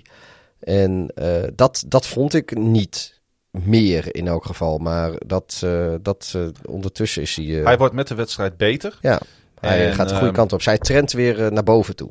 En dat geldt ook voor Dak Prescott, want hij eh, gooide vier touchdown passes in deze wedstrijd. En ehm, uiteindelijk eh, in totaal noteerde Dallas 245 yards over de grond. Tegen die Panthers die in die eerste drie wedstrijden in totaal maar 135 yards in totaal hadden tegengekregen. Ja, die zijn echt even, even terug op aarde. Ja, de, de die, eh, Panthers. die moeten zeg maar even weer de videokamer in. Ja, die, eh, die, ik denk wel inderdaad dat ze, dat ze daar eventjes hun, hun wonden moeten likken. En eh, ja, dat, dat, dat, dat is wel iets om, om even van bij te, bij te komen. Aan de andere kant, ja, weet je. Ondanks dat nog, nog geen man overboord is daar. Hè? Nee, maar we kijken de. We, je, je kiest niet tegen wie je speelt en wanneer je tegen ze speelt. Maar als je dan het schema kijkt wat de Panthers tot nu toe gehad hebben, dat is natuurlijk wel de Jets. Ja, oké, ze hebben dit weekend gewonnen, maar het zijn geen hoogvliegers. Eh, de Saints, nou ja, die zijn eh, wisselvallig als fuck, hebben we ondertussen Ja. ontdekt. Eh, als je die in de evenweek treft, dan heb je het niet zo lastig. En natuurlijk de Texans. En de Texans. Ja. Dus, dus ja, ze hadden ook over het, over het schedule en de momenten waarop is, ze is het een tegenstanders... beetje hetzelfde verhaal als bij de Broncos. Die ook drie van dit soort wedstrijden hadden. En dan Ja, nou misschien ja, ook die reality check in week 4 even nodig hebben. Ja, nou ja, mis, mis- mis- misschien wel. En eh, kijk, eh, ik, ik, zie voor de, ik zie voor de Panthers verder niet zoveel problemen. Want ze gaan naar de Eagles. Nou, dat zou je in principe moeten winnen. En de Vikings is lastig. Maar dan Giants moet je eigenlijk ook winnen. Falcons, ja, sorry, als je wat wil moet je dat ook winnen. Dus die, die, die, het is niet zo dat, dat... Ik verwacht niet dat het in gaat storten als een Nee, nee, kaartenhuis. Maar ja, ik denk wel dat, dat het niet onrealistisch is om te zeggen dat 3-0... Of, of als er nu... Ja, was misschien ook wel een beetje geflatteerd in die zin. En eh, ondanks de nederlaag speelde uiteindelijk Darnold echt weer een goede pot. Hij rende zelf twee touchdowns binnen en werd de eerste NFL-quarterback met vijf touchdowns over de grond in de eerste vier wedstrijden. Ja, zeiden ook al in de NFL Ja. wel snel. Dat, eh, dat is, eh, voor dit soort statistieken is, is dat niet de naam die als eerste in je opkomt. Ik zeg de, de, de Michael Fix, de Cam Newtons, de, de Lamar Jacksons. Voor mij part Russell Wilson of, of weet ik veel wie dat... dat, dat eh, Hij doet het gewoon en hij gooit ook nog eens in deze wedstrijd voor meer dan 300 yards. Ja. Dus er is echt niet zoveel op aan te merken. Ja, één speler. En door onze volgers werd hij al, eh, werd hij al genoemd. We moeten hem er even uitlichten. Dat is natuurlijk Trevon Dix. Ja. Die een monsterseizoen tot nu toe speelt. Noteerde twee intercepties voor een NFL-leading 5. En werd de eerste Dallas-speler met een pick in de eerste vier wedstrijden sinds de merger van 1970. Ja, dat is toch ook, eh, weet je, ja, vier wedstrijden op rij een pick, of de eerste vier, dat, dat verschil vind ik niet zo heel interessant eigenlijk. eh, eh, maar sowieso, weet je, ehm, ja, verdedigende statistieken en zeker dingen als intercepties, die zijn vrij lastig te, te schemen of te reproduceren. En eh, als je dat dan week in, week uit gewoon lukt, dat is echt gewoon Nou, het zegt wel wat dat het al meer dan 50 jaar bij dit team, dit succesvolle team, dat het niet gebeurt. Ja, nou, dus, dus ik, ik, ik moet zeggen, er staat niet de exacte statistiek bij. Er staat de eerste vier wedstrijden. Het kan best zijn dat iemand bij wijze van spreken zes eh picks eh, op rij gehad in wedstrijd 6, 7, 8, 9, 10, 11. Dat klopt. Eh, dat, dat weet ik niet hoor. Maar eh sowieso, weet je, ongeacht welk team en, en welk tijdperk, als jij vier picks hebt in vier, minimaal of Maar verdedigers, vier verdedigers groeien wel eens in een wedstrijd. ja, nee, hè? precies. Maar hij staat er dus vanaf het begin. De Ja. hele Cowboys defense die staat er trouwens vanaf het begin. Ja. En, ehm, eh, de, want die verdediging wist ook nog een keer vijf keer bij Darnold te komen voor een sack. Waarvan twee door Randy Gregory. En eh, dat terwijl Dallas juist heel goed Prescott uit de wind eh, wist te houden. Tegen een defense dat tot nu toe een NFL best 14 sacks noteerde voor Ja. deze wedstrijd. Nou, ja, daar staan Dus de nu rollen eh, waren echt een beetje omgekeerd, zeg maar. Ja, daar staan ze nu dus gedeeld tweede mee met die, eh, met die 14 seks. Maar ook dat weet je, die vijf seks in een wedstrijd, dat is gewoon veel hoor. ja. Ehm, ja, ik, de, wat ik zeg, de, de, er zijn nu een paar wedstrijden geweest, waaronder dus de Bears en de Browns, waar er negen eh seks in, één- in één wedstrijd waren. Dat, dat, dat is echt uitzonderlijk. Vijf of zes of zelfs vier, vier. Dat is eh, echt gewoon echt hele goede cijfers voor een team. Ja, de Ravens hadden trouwens ook vijf tegen Ja. Denver. Maar goed, dat terzijde. Dus natuurlijk omdat ik die statistiek altijd helder op de bril heb. Ehm, de Carolina Panthers die treffen opnieuw een team uit de NFC East, namelijk Philadelphia. En de Cowboys die ontvangen de New York Football Giants. Dan dat duel der duels, wat groots werd aangekondigd in Amerika, waarvan wij, zouden ze- waarvan wij zeiden, dat zou wel eens een beetje, beetje kunnen tegenvallen. Eh, het werd wel een spannende wedstrijd. Ja. Maar Misschien wel spannender dan we hadden bedacht. Het was, het was niet van heel hoog niveau. Ik weet ook Nee. niet in hoeverre het weer daar wat mee te maken had. Het regende dat het goot. Ja. Pijpen stelen. Eh 1917 werd het uiteindelijk voor de Tampa Bay Buccaneers. En eh, Edward Jansen die wil via Instagram graag even eh, bij ons neerleggen dat Mac Jones, ondanks de door de media eh, gelegde druk, en inderdaad dat was er, enorm goed speelde bij de terugkeer van Brady op Foxborough. Hij zegt, kijk met name naar het aantal no-huddle offenses toen Mac zelf de play eh, moest callen. En ehm, ga, kunnen we daarin meegaan dat op zich eh, Mac Jones zich eh, nou, van een goede kant heeft laten zien? Ja, Met de druk dat zijn, dat zijn grote voorganger natuurlijk naar hem stond te kijken aan de zijlijn. kijk, hij had, ik denk wat, wat wel meespeelde is dat Mac Jones de volle steun had van het publiek daar. Dat iedereen was uh, laaiend enthousiast over, over Brady. Die werd ook massaal toegezongen totdat eh, de daadwerkelijk de wedstrijd begon. En toen Ja. eh, werd hij ouderwets eh, uitgefloten. En terecht. Eh, ja, tuurlijk. Hij is op dat moment gewoon eh bezoekende quarterback van Ja. de tegenstander. En eh, de Patriots moeten gewoon winnen. Eh, daar waren voor, vooraf waren ook wel mensen een beetje die zich afvroegen hoe dat ging. Omdat er een heel contingent Patriots-fans is die nog nooit een andere quarterback als Tom Brady zijn gewend. En Ja. die, eh, die misschien wel een beetje in dubio zaten. Ehm, dat, maar dat, dat helpt natuurlijk zo Mac Jones. Dat, het, het feit dat dat hele stadion eh, vertrouwen en, en, en, en eh, ondersteuning biedt. En Eh. Brady is natuurlijk niet een paar maanden weg, hè? Nee, precies. Bra- Brady is ook niet, niet nog maar net. Maar goed, het was wel zijn, zijn, zijn terugkeer. Ehm, ja, Brady zelf die speelde ook niet heel soepel. Nee. Dat, dat, dat geeft zo Mac Jones. Kijk, als, als zo'n Brady, als die daar extreem foutloos staat te ballen, dan kan, eh, en, en bij wijze van spreken 40 punten op het bord zet, dan kan Mac Jones exact dezelfde wedstrijd spelen als die hij nu gedaan heeft. En maar 17 punten op het bord zetten. En dan zegt iedereen, er heeft niemand het meer over wat Mac Jones heeft laten zien, anders dan de meest diehard uh, Pets fan. En nu, omdat uh, Brady ook tegenviel, valt het op dat Jones dusdanig heeft gespeeld dat hij, uh, uh, ja, dat, dat als, als de kikker raak had getrapt, hadden ze die wedstrijd gewoon gewonnen. En dan had hij gewoon uh, met de Patriots van Brady gewonnen. Dus, dat, ik, ik, dus ik denk wel dat de, de, prestatie van Jones, ik wilde niet per se wat aan afdoen, maar ik denk wel dat hij nog iets groter lijkt, omdat Brady niet zo best, ook niet zo goed speelde. Of Brady, ook niet uit de verf kwam. Brady heeft geen enkele touchdown gegooid. Nee. Maar hij was natuurlijk wel weer de drijvende kracht achter die fourth quarter drive. Zodat ja, hij toch het team versloeg waar hij zelf ooit zes Lombardi trophies uh, wist binnen te harken.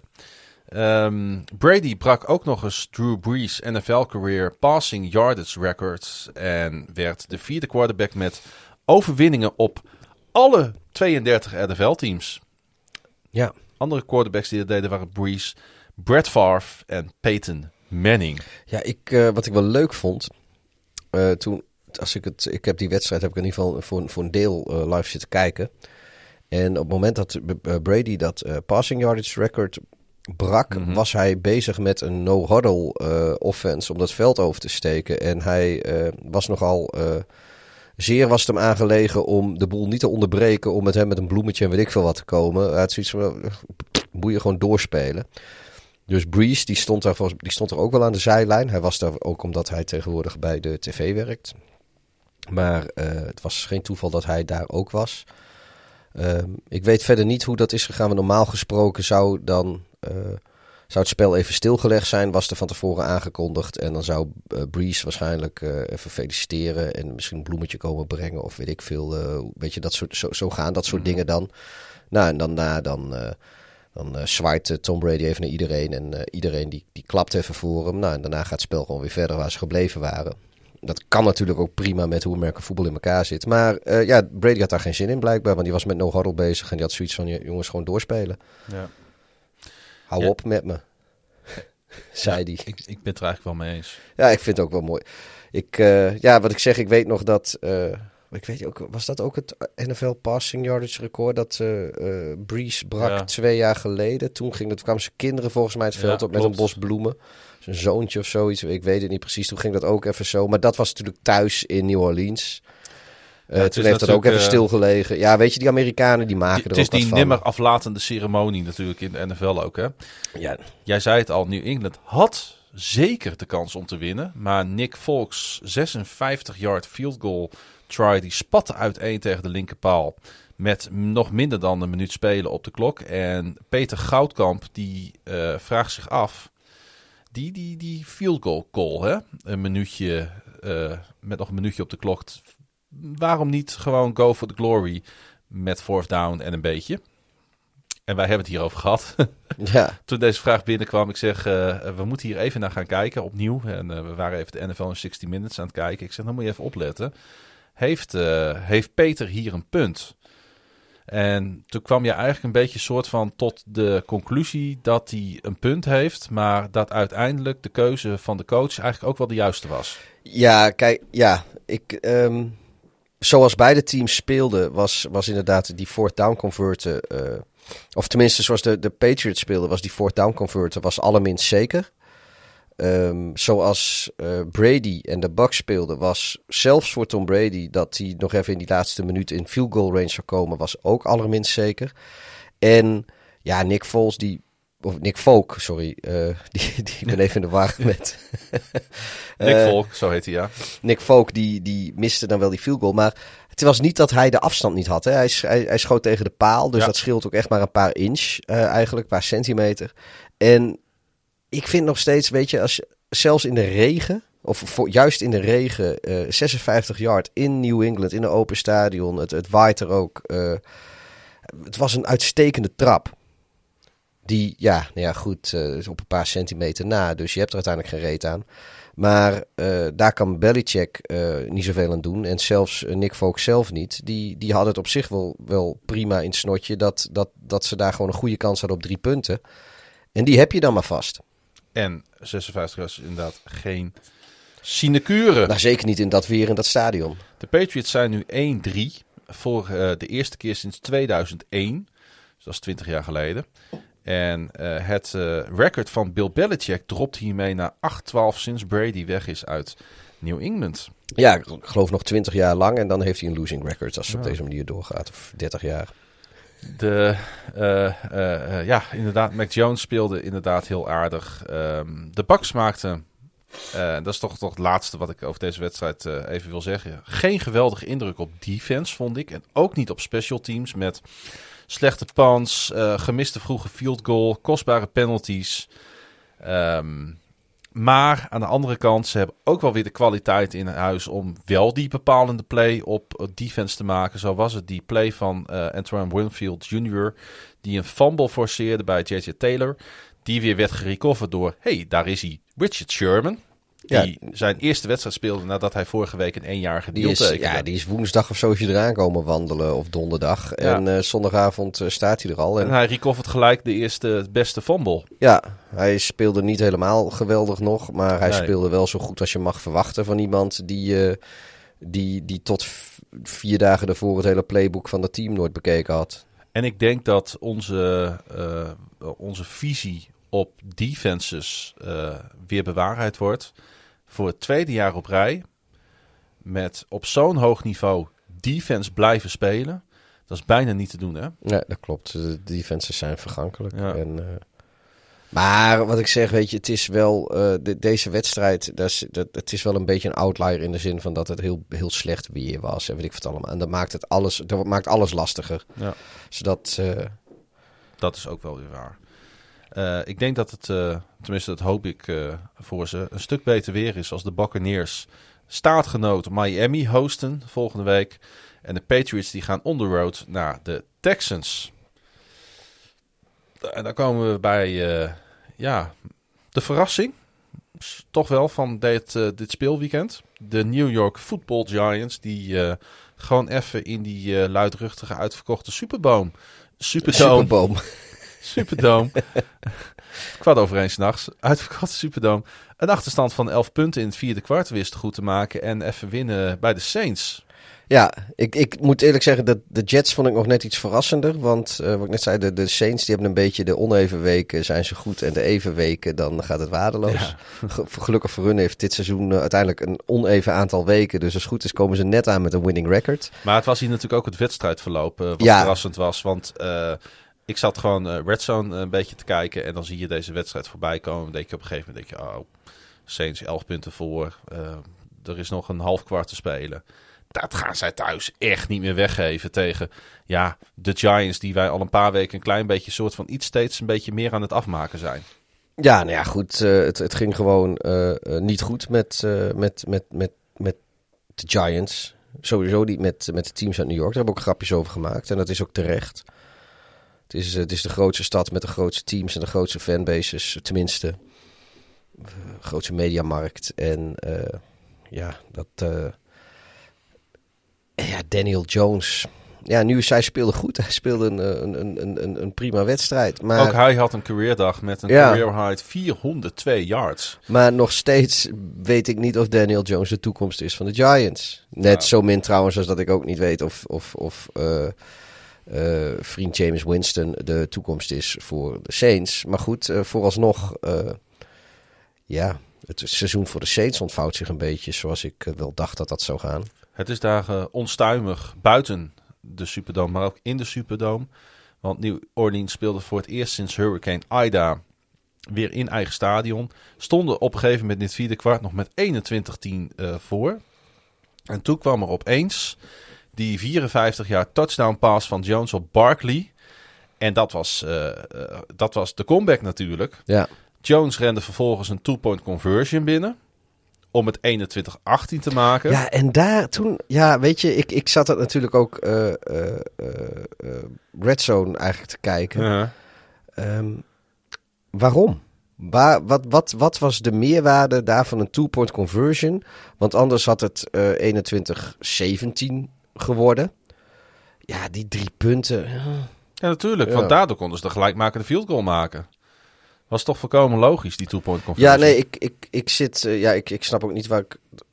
Dat, dat was Ik denk dat je even verkeerd zit te rekenen wat dat betreft. Nee, of er was een, of, of was een andere stond- wedstrijd waar ze, waar ze een two-point conversion in plaats van vijf, vier punten De achter. Browns, eh, Of waar- of deden waar dat. Ik, ik heb dat ergens Die gezien. gingen in plaats van eh, zeven punten op de eerste touchdown ervan maken, opeens naar acht punten. Had ook met een vlag te maken en een rare situatie. Oh, de, het oh, dan was dat die inderdaad. Ik wou Ja. zeggen, ik heb ergens op Red Zone heb ik gezien en toen snapte ik niet zo goed waarom ze dat deden, De want Browns ik snapte de eh, logica zaten in een niet. hele rare situatie. Die zou voor een field goal Oh, gaan. oké. Toen kwam er een vlag op die field goal. eh, volgens mij tegen de Browns, waardoor de field goal verder naar achteren Ja. gingen. En toen zeiden ze van, oh, maar als dat gebeurt, dan gaan we alsnog nu voor de two-point conversion. Terwijl eh, hun tegenstander, de Vikings, namen Oh, een, ja. time-out die ze op dat moment niet konden nemen. En er gebeurde daar van alles Ja, raars, nee, ja, eh. nee, oké. ja, nee, ik, ik, zeg, heb ergens, ik heb ergens iets in mijn hoofd dat ik zit van waarom doen ze nou two points, want het, het, het maakt van vijf Nou, naar vier punten of zoiets. Hier had het wel ja, hier, ja, nee, je, je klopt. Want het was ook uiteindelijk namelijk waarom de Giants die wedstrijd kon, nog konden winnen in overtime. geval, ja, was de overtime mee afdwongen. Want er kwam een gelijkmakende 48-yard field goal van Graham Cano. Met nog eh, 31 seconden op de klok. En uiteindelijk won New York de coin toss. En daar was eh, die jongen van, eh, van de Giants was daar erg blij mee. Ja, die zat in onze intro. Die zat even in, onze- in onze intro inderdaad. En eh, Jones die gooide als, als, alsof hij Tom Brady was. Of Drew Brees of Aaron Rodgers in zijn beste dagen. Even vijf passes voor 67 yards voordat Barkley de winnende score binnen kon rennen. En ehm, ja, ik, iedereen in verbijstering achterliet natuurlijk eh, in New Orleans. Ja, Want dit had niemand verwacht hè. ja weet je, de, de- ze zijn in Nou, het la- zeggen- sowieso niet echt gewend om te verliezen. Nee, daarom. En eh, zeker niet van een 0-3 team. eh, ja, die, die voor iedereen ja, de gedoodverfde verliezer was die, die dag. Het zou natuurlijk ook kunnen dat teams een klein beetje aan het uitvinden zijn hoe de Saints dit seizoen gaan spelen met Winston.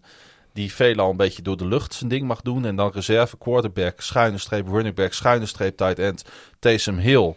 Die dan eh, de touchdowns binnen mag proberen te rennen. En dat ook deed. Want het lukte weer twee keer. Ehm, ja, het was in ieder geval, en laten we dat, laten we dat dan constateren.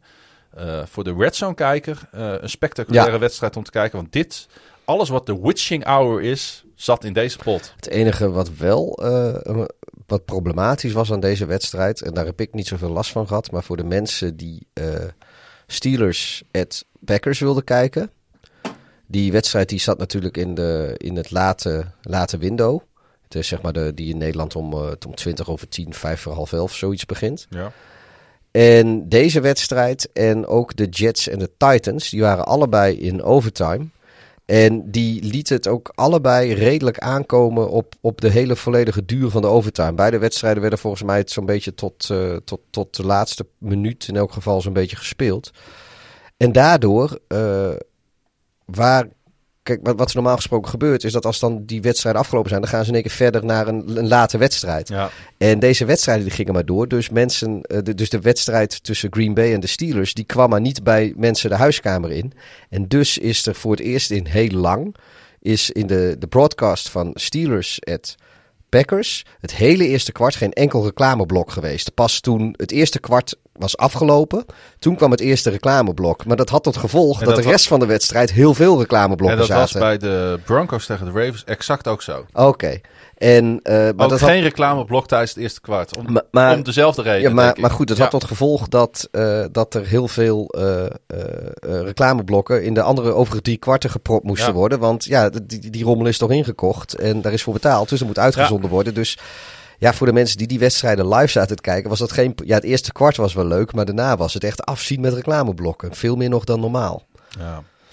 Maar goed, dat even terzijde. Nee, ik, eh, ik denk dat eh, mensen zeer op prijs stellen dat, eh, dat ook dit soort informatie tot ze komt. Daar luister je ook NFL op woensdag voor. Ben je nou cynisch? Of, Nee, helemaal niet. Juist niet. Wij zijn zo'n podcast. De Giants die gaan nu kijken volgende week of ze het de Dallas Cowboys lastig kunnen maken. En de Saints die moeten het opnemen in en tegen Washington. En Washington, divisiegenoot natuurlijk van de Giants, die eh, wisten een overwinning uit het vuur te slepen. Want ik denk wel dat je het zo mag noemen. In Atlanta tegen de Falcons. En daar was het eh, eigenlijk de hele wedstrijd door niet saai, hè? hey, maar eh, ja, of ik heb het niet opgelet. Hebben we nou niet iets vergeten bij een, een biertopper? Nee, want die komt zo meteen. Oh. Want er komt nog een eh, team uit New York. oh, ik dacht dat we die al gehad hadden. Nee, Oh, ja, nu heb ik alles weer verklapt. Sorry. alles verklapt, ja, ja. het spijt me heel erg. Ja, ja eh, het script kan de prullenbak in. Ja, Eh, we stoppen er ook mee. Jongens, dit was het. Dit was het. Beste maar weer. Ik acht uur lang aan het voorbereiden geweest. Ik, ik heb echt... Om, om, voor, mijn, voor mijn gevoel hebben we het, hebben het al... Nou ja, goed. We, Weet hebben, je, het, ga nou- even- we hebben het al over de Jets gehad een paar keer. Maar we hebben Ja. de wedstrijd nog niet behandeld. Ah, oké. eh, komt er zo aan. het- ja, voor mij eh, wordt, is het ook al laat, hè?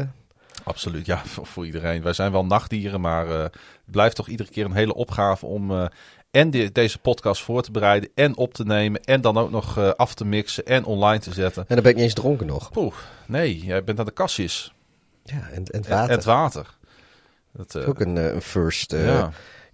in, in de geschiedenis van NFL op woensdag. En het gaat gelijk mis. Ja, doe ook Ehm, saai was het niet in Atlanta. Met nog eh, 33 seconden op de klok wist Taylor Heineke JD, JD McKissick. McKissick te vinden voor die 30-yard touchdown pass. Wat uiteindelijk beslissend bleek natuurlijk voor die 34-30 overwinning. En eh, eh, ik weet niet of jij dat wist, maar Heineke die keerde terug naar de regio waar hij opgroeide. Nee, ik dacht eh, altijd dat hij uit, eh, wat is het, Lieshout of zo? Waar of nee, wat Zoeterwoude, weet ik veel. Ja, ik weet ook niet waar dat ding staat. Ik dacht Amsterdam. Maar dat Ja, is dat de is experience. ja. Ja. hij, Zoet, Zoeterwoude volgens mij. Nee, hij had zijn hele familie op de tribune zitten, want hij komt dus uit Atlanta. Charlene de Carvalho Heineken zat er en Freddy Heineken. die, werd, die werd nog ontvoerd. Hij, eh, Jezus. ja.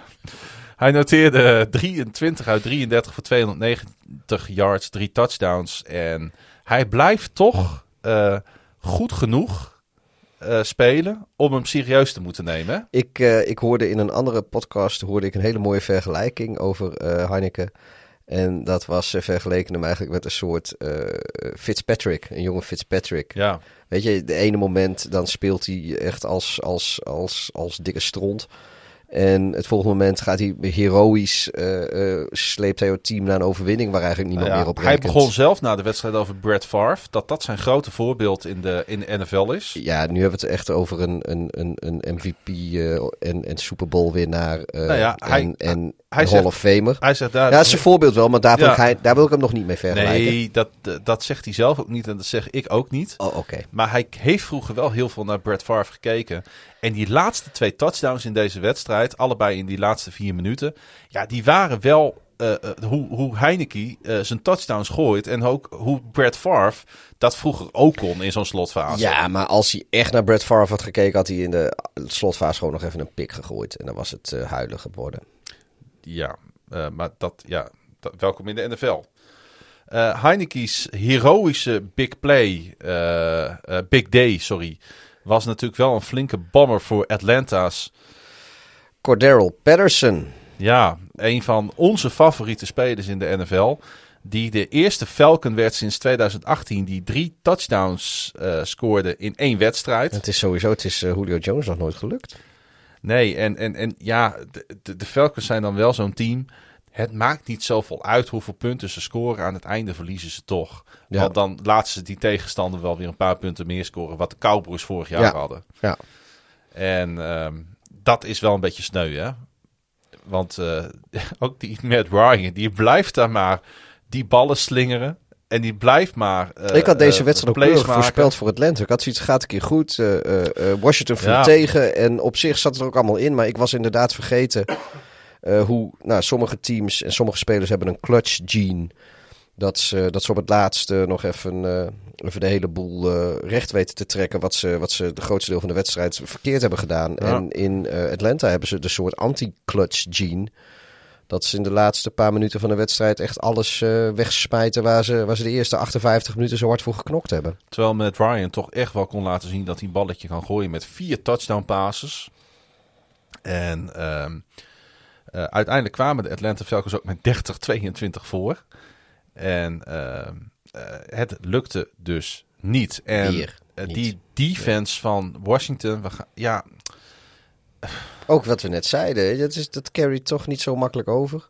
ik- het is, het is, ja, maar het, het- ik, heb, ik kan mij niet een unit herinneren wat eh, zo in decline is, wat niet een rebuild unit is. Ik vind het echt, het verschil tussen vorig jaar en dit jaar is echt bizar. Ze hebben 374 yards weggegeven, 24 first downs aan een van de league's laagst gerankte offenses.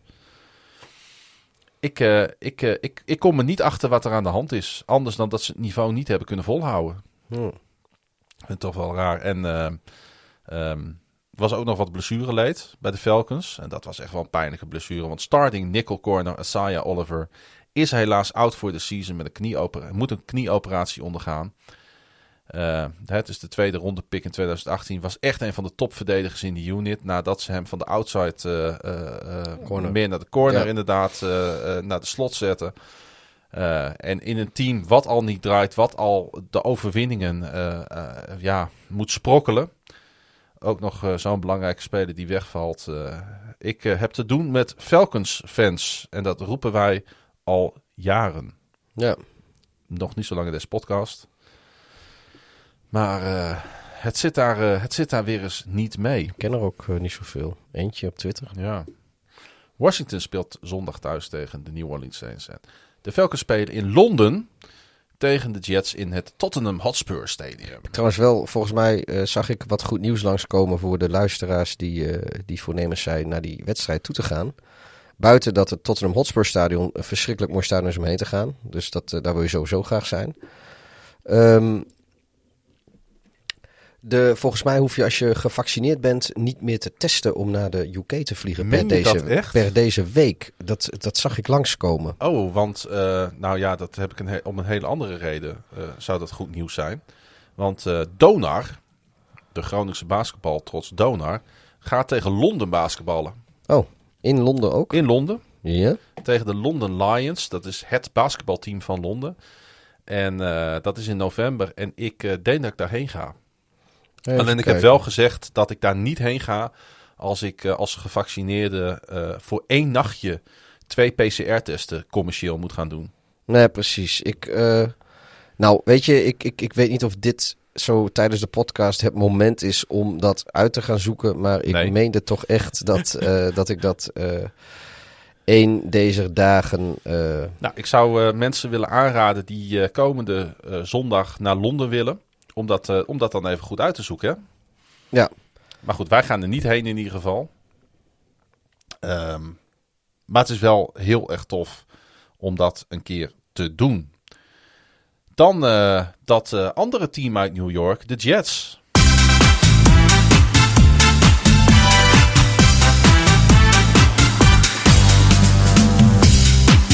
Want eh, New York is de biertopper van de week. week, week, week, week. Pa, pa, pa.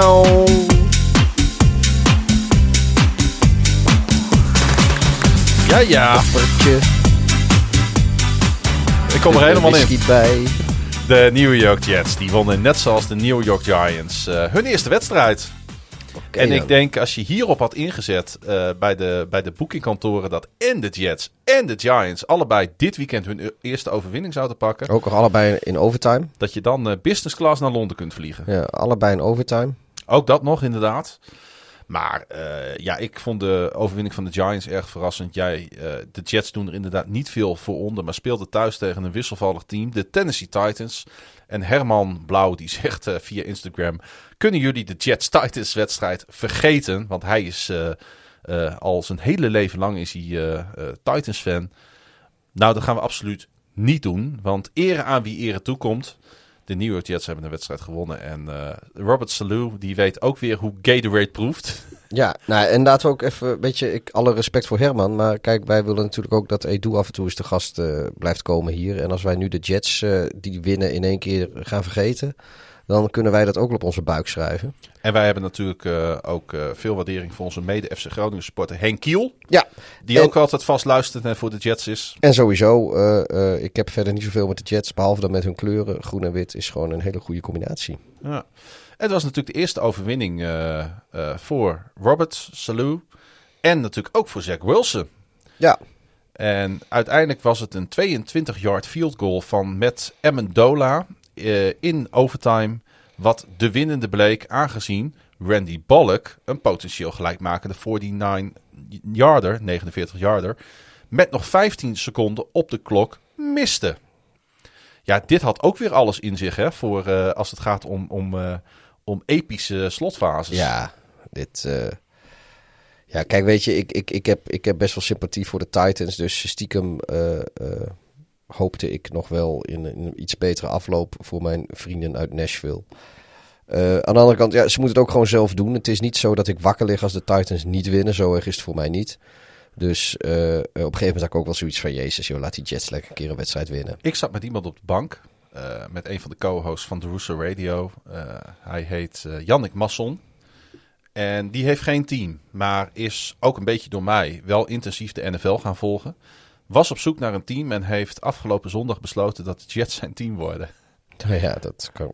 Zeker als je uit Groningen komt, eh kleurtechnisch eh, komt het goed. Ik heb het hem. eh, ik heb uitgelegd dat wat we hier gezien hebben, dat, we dat, dat, hij, dat hij dat niet iedere week van zijn Jets moet verwachten.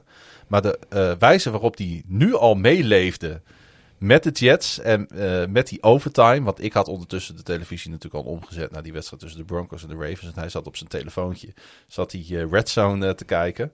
En dat was het enige wat nog op Red Zone werd uitgezonden, was ook die wedstrijd. Ze zijn ook niet naar andere wedstrijden volgens mij gegaan. Ze zeiden van hier Nee, blijven klopt, we bij, klopt. dit willen we zien. En terecht natuurlijk. Vanaf het moment dat, dat het in New Orleans klaar was... Toen, toen, zijn ze naar New York Zijn, zijn ze naar New York gegaan en volgens mij ook gebleven. Ja. Ehm, eh, moeten we nog enige verzachtende omstandigheid aanbrengen dat de Titans en daarmee Ryan Tannehill het zonder receivers Judy, eh, Julio Jones en AJ Brown moesten eh, stellen? Ja, weet je, dat... dat Zijn dat, wel echt twee we- grote spelers die missen. Hè? Dat klopt. Ehm, en dan komt wel heel veel op de schouders. Weet je, nee, dan wordt het denk ik heel voorspelbaar wat de Titans doen. En dan kunnen de Jets dat ook prima verdedigen. Dat, dat bleek wel weer. Plus natuurlijk dan komt die matige defense van de Titans eh, eh, eh, wordt nog wat meer blootgelegd. Ja, nee, dat de dus, aanval het minder lang volhoudt. maar goed, uiteindelijk hebben de Jets het wel gewoon zelf gedaan. Ja, dat En, is absoluut waar. Dus ja, kijk, ik, Ik heb eigenlijk wel genoten ook van Wilson. ja, als die, die, die had zo'n wedstrijd, dus dit denk ik ook wel even nodig om een beetje, beetje wat vertrouwen in zichzelf te krijgen weer. En, en zichzelf ook te laten, te laten zien aan de, aan de NFL. En die touchdown pass op, eh, op Corey Davis, die was natuurlijk van grote schoonheid. Die 53 yarder. Ja, die zat eh, volgens mij ook in de intro. Ja. Dat eh, voor de opvallende, of, of voor de oplettende luisteraar, er zaten twee Wilsons achter elkaar. De ene was natuurlijk Russell, die, die met een duik de endzone in, in Santa Clara tegen de Niners. En de andere was ook Wilson. Maar dat was dus deze, met een, met een lange touchdownbal Ja. op... eh, volgens mij was, dat op, was deze op Corey Davis, hè? Ja. Ja, En ik zei volgens mij eerder in de uitzending dat de Jets 5 6 genoteerd hadden. Het zijn er zeven, toen maar. waarvan twee door Quinn Williams. En ook eh, Quincy Williams eh, had een sack. En dat zijn broers die in, voor hetzelfde team spelen. Spelen al- allebei voor de Jets. En het was voor het eerst dat broers eh, met seks in dezelfde wedstrijd als teamgenoten op eh, het stat-formulier kwamen te staan. Sinds seks een officiële stat werd in 1982. Want eh, voor die periode werd dat dus niet bijgehouden. Dat is toch ook wel iets opvallends.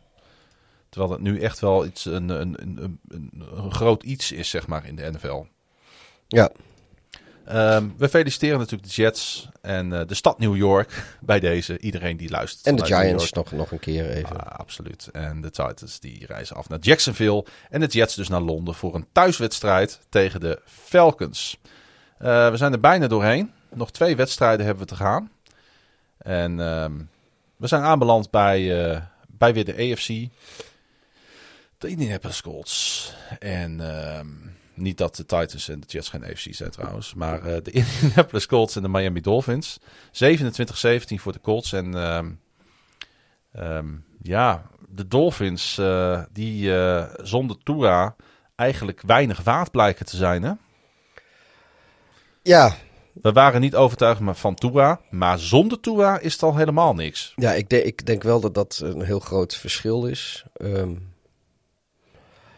misschien begin ik zo langzamerhand ook wel een beetje te denken dat we los van Tua de Dolphins misschien toch een beetje overschat hebben. Ja, Ehm, er is daar eigenlijk, ik, ik zag ook ergens weer een, een, een, een, een tweet met een meme voorbij komen. Volgens mij kwam die ook van de, eh, de Dutch Fins. Ja, eh, die eh, iets zei van, ja weet je, het is eigenlijk gewoon net seizoen als altijd. Eh, je hebt eh, grote verwachtingen. Je wint eh, direct van, van de Patriots. En de verwachtingen zijn nog groter. Daarna word je weer teleurgesteld. En uiteindelijk vliegt de staf eruit. Komt een nieuwe staf. En dan begint her het en der hele weer wat spelers. En dan aan, hebben we weer gro- grote verwachtingen. Winnen Ja. we weer van de Patriots. En dan nog een grote verwachting. Nou ja, goed. Of, of, dat, of het zo erg is, weet ik niet. Maar we hebben volgens mij vorige week of twee weken geleden... hebben we al even aangestipt dat het record van Flores... eh, gelijk is met dat van... ja, eh, en, en nu, nu, ja, weet je dat over de eerste, wat was het, Wilwin. 36 of 38 wedstrijden, gelijk was dat van met Gaze. Oké, sorry. Of eh, sorry, Adam Gaze moet Ja. ik zeggen. Ik weet niet hoe bij Matt Gaze komt. Ik weet, niet wie, ik weet, niet, weet ook niet wie dat is. maar eh, eh, Ik, ga, ik, doe Ja, wel, ik, doe, ik doe wel eens wat met Kees. Maar dat, eh, ja, weet je, ik wil heel graag geloven in de Dolphins. En zeker als ze ook nog Ja. eens die uniforms aan hebben die ze gisteren aan hadden. Want het was gewoon een lust voor het oog. Eh, ja, dat vind ik, eh, vind ik nog steeds wel eens belangrijk. Eh, je moet tenslotte toch drie uur lang naar zo'n wedstrijd kijken tussen twee teams. Ja, ik, ik, ik, ik, ik weet niet precies wanneer Tua terugkomt. Ik hoop snel en ik hoop dat het dan eh, eh, in ieder geval weer leuk wordt om eh, naar de Dolphins te kijken. En ook voor de mensen die de Dolphins een warm hart toe, toedragen. Het kwam in ieder geval, de Colts verrekte goed uit en Carson Wentz. Want Wentz verloor zijn laatste zeven wedstrijden, vier bij Philly en tot nu toe de eerste drie, dus alles bij de Colts. En voor rust zag het er trouwens ook bij de Colts niet goed uit. Het was voor rust echt een rommeltje. Na rust was het met name bij de Colts een stuk beter. Wentz gooide twee touchdowns op Mo Ellie Cox. Eentje net voor, eentje net na de pauze. En eh, Jonathan Taylor, vind ik toch wel een onderschatte speler. eh, in, in, in, in, de, in de league op dit moment rusten voor 103 yards en ook nog eens scoren. En eh, trouwens, die twee touchdowns op, op, op Ellie Cox, die waren, eh, dat was zijn eerste two-touchdown game. En in de 43 wedstrijden waarin, waarin hij daarvoor speelde, had hij nog maar vier scores genoteerd. Dus hij liep, eh, hij liep zeg maar 1 op 10 en nu heeft hij 2 in 1. Nou, dat is toch een, eh, dan heb je toch een keurige dag. Ja, ook een career day om het zo maar te zeggen. De Dolphins die verloren dus voor de derde wedstrijd op rij, met name door die knaken offense die er nu staat. Het leek eh, tweede kwart, derde kwart echt helemaal nergens op. Ze werden in die twee eh, kwarten werden ze eh, vernederd door de Colts in yards met 226 tegenover 14. Nou hadden we het over de Bears vorige week, dat, eh, dat die een absolute dramadag hadden. Maar dit is niet heel veel beter. Kwamen nauwelijks tot een first down. Sprongen offside bij een punt. wat uiteindelijk dan weer uitmondde in de eerste touchdown van de Colts. Eh, dramatische fumble van Burset. Ik weet niet of je die gezien hebt, die die uit zijn hand liet vallen. Ja, ja net in de, in de samenvatting. Ja, eh, eh, het, het, het was echt... eh, Preset is ook gewoon... Het, het- ja, hij deed natuurlijk vorige week wel aardig.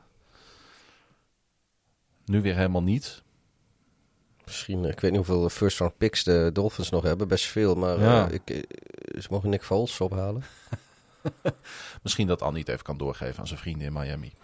Ehm, de Colts die eh, stonden in de eerste drie wedstrijden, om even het verschil aan te geven ook, want eh, om even in te zien met dat ja, in te zoomen op het feit dat de Colts ook wat beter in het seizoen komen. Eerste drie wedstrijden 421 rushing yards toe, 140 aan Seattle, 101 aan de LA Rams, 180 aan Tennessee. Tegen de Dolphins 35. Wat een verschil met die eerste drie wedstrijden. Ja. Maar dat is ook... eh, ja, is dat, is dat omdat de Dolphins zo slecht zijn? Of is dat omdat de Colts in één keer de boel zo goed voor elkaar hadden? Of zullen we er maar weer eh, lekker lafjes een combinatie van die twee van maken? Nee, de Colts hadden het verdedigend echt, eh, echt heel aardig staan. En eigenlijk, als je heel eerlijk bent, hadden de Colts het in andere wedstrijden ook niet altijd zo slecht staan tot nu toe dit seizoen. Nee, dus was het ook een beetje de zwakte van de Dolphins in de, de, de, de rushing game van de Dolphins. Het is van allebei wat in dit Ja. geval, denk ik. Eh, Ik zie dat de Colts 28-1 zijn in, eh, in de laatste, nou wat is het, 25 jaar zo'n beetje. Ja. Als, ze, als ze 50 jaar of minder toelaten over de grond. Ja.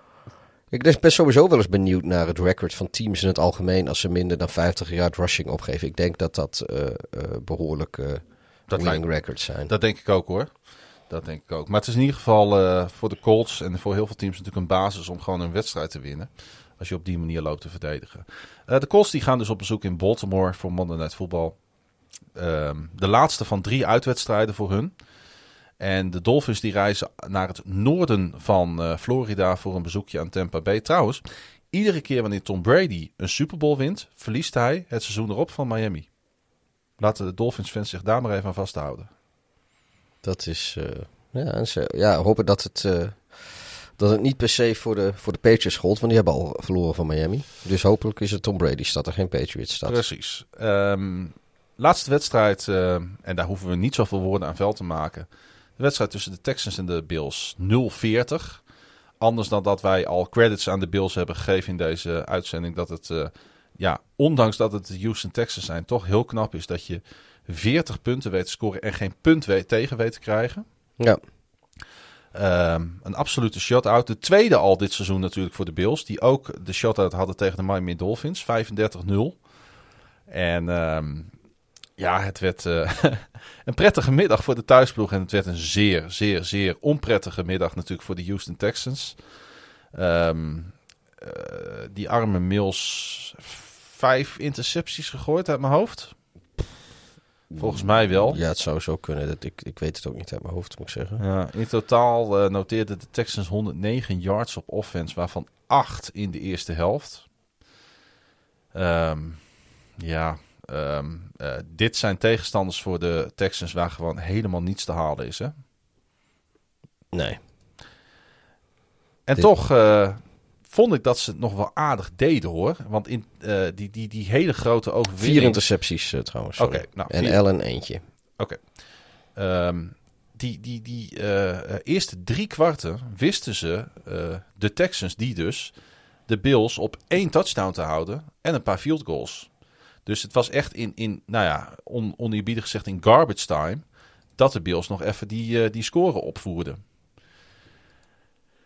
Eh, maar goed, reguliere overwinning voor de Bills. De Texans hosten de Patriots. De Bills spelen dus de topper eh, tegen Kansas City. Daar gaan we ook weer wat meer aandacht aan ze besteden, wat mij betreft. In dus die rematch van de AFC Championship Game. En we weten het allemaal nog. Die werd door de Chiefs natuurlijk gewonnen afgelopen seizoen met 38 tegen eh 24.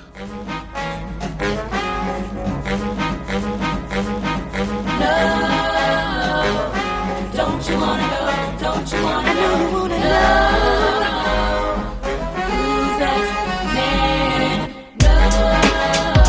And don't you wanna know? Houd nog een beetje vol, Pieter. Ja hoor. De Who's That Man van, eh, van deze week. En eh, die werd in 2013 in de eerste ronde gekozen door de Minnesota Vikings.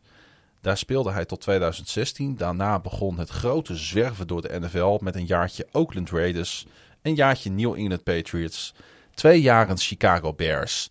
En sinds dit seizoen speelt hij voor de Atlanta Falcons. Dan geef ik mensen even drie seconden om erover na te denken over wie we het hebben. Zijn naam is al voorbij gekomen deze podcast. Zeg het maar, Pieter. Drie touchdowns gescoord eh, afgelopen speelronde. Cordero Patterson. En Cordero is... eh, ja, daar hebben wij echt allebei een zwak voor, hè? Ja, ik, ja, weet je, het was sowieso... Ik, het is heel veel... Volgens mij is het een beetje een cliché. Vanaf het moment ook eigenlijk dat hij in de NFL eh, zijn opwachting maakte. Hij is een soort zakmes als speler. Zo, zo werd hij vaak genoemd ook door coaches. Ik, vind- ja, ik, ik weet niet of, of ik dat nou meteen eh, een, een, een eerbiedige naam vind. Maar hij kan heel veel. Hij doet heel veel. eh, eh, en het is ook gewoon echt een hele aardige, hele leuke... jonge speler, jongen en man en speler en mens, zoals ik van, van buitenaf in ieder geval kan Want ik inschatten. ben, eh, ik ben gaan zoeken over hem. En ik kon helemaal niets vinden wat hem in een kwaad daglicht zet. Zijn opvoeding niet, zijn jeugd niet. Eh, hij heeft geen gekkigheid op zijn naam staan als het gaat om eh, eh, verboden middelen of aangehouden met, met drank op. Weet je wel, dat soort toestanden. Hij, is, hij heeft echt een clean sheet wat dat betreft.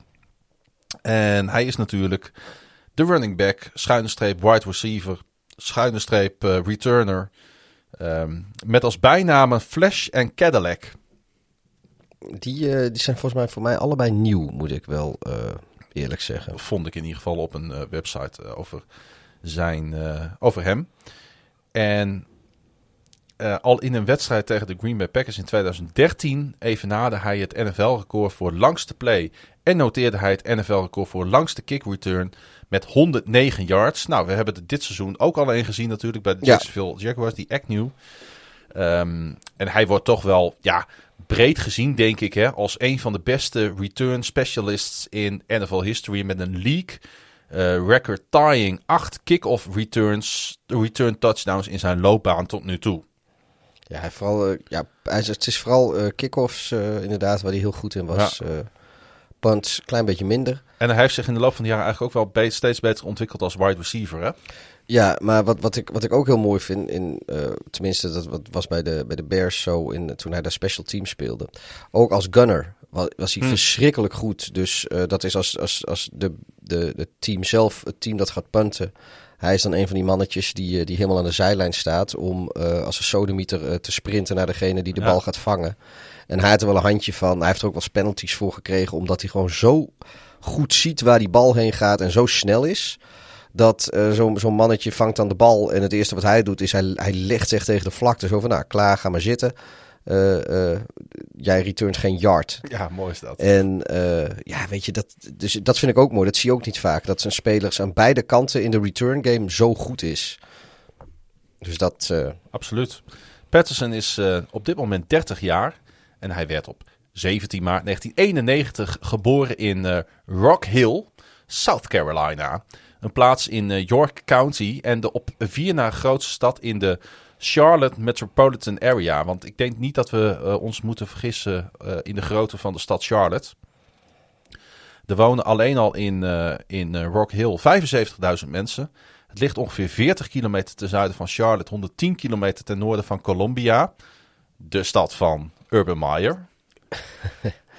Heel toevallig. ja, En ehm, dat Rock Hill, dat ligt aan de Catawba River. Dat ontspringt in de Appalachian Mountains. En het vloeit over in de Blue Ridge Mountains. Er is nog een mooi liedje over gemaakt ook. ja, door een eh, John Denver Broncos. Ja, en eh, eh, het, het schijnt daar prachtig te zijn. En ook met allemaal watervallen. En je kunt er allemaal hikes doen rond, rond die stad.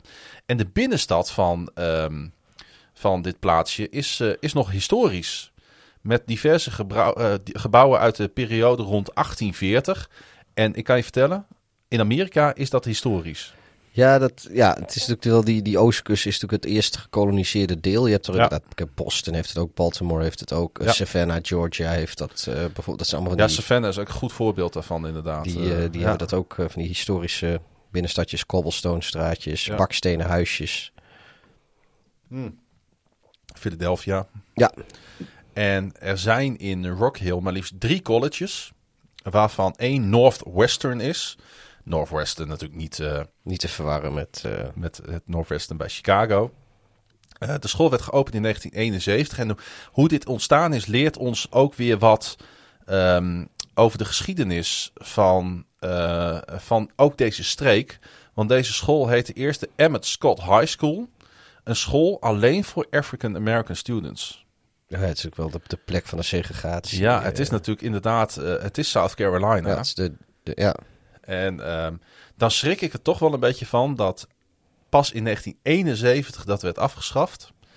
En gewoon de scholen toegankelijk werden voor hoe je er ook maar uitziet. Ja, maar je hebt dan nog steeds inderdaad eh, heel veel scholen die historisch zwart zijn. En dat zijn Ja. dit soort waar nog steeds, o- ook al is iedereen er welkom, maar nog steeds eh 80, 85 Ja. procent van de studenten zwart is. Het eh, was ook niet voor niks dat eh, tijdens een verkiezingscampagne Barack Obama juist op deze school een toespraak kwam houden. Nou, dat vind ik wel mooi. Ehm, gaan we ook even weer naar de alumni kijken? Dat is altijd mijn favoriete. Ja, nee, ga eens, ga eens even kijken welke, welke, welke notabele spelers eh, Precies. komen uit eh, van deze school af. Ehm, ik kwam uit bij eh, Jonathan Joseph. Dat moet NFL-liefhebbers toch wel wat zeggen. Gekozen door de Bengals in de eerste ronde van de 2006 NFL-draft. En hij speelde tot vorig jaar in de NFL. Hij sloot zijn 14-jarige loopbaan niet geheel toevallig af bij de Arizona Cardinals. Want dat is typisch een team waar je zo'n loopbaan afsluit. Hij noteerde in zijn hele carrière bijna 800 tackles, 8 forced fumbles, 32 intercepties en 8 defensive touchdowns. Eh, toch, dat zijn geen misselijke cijfers. dan ja, ben je toch wel een grote jongen in de NFL geweest. ja, Hall of Fame eh, zal er niet in zitten, maar Nee.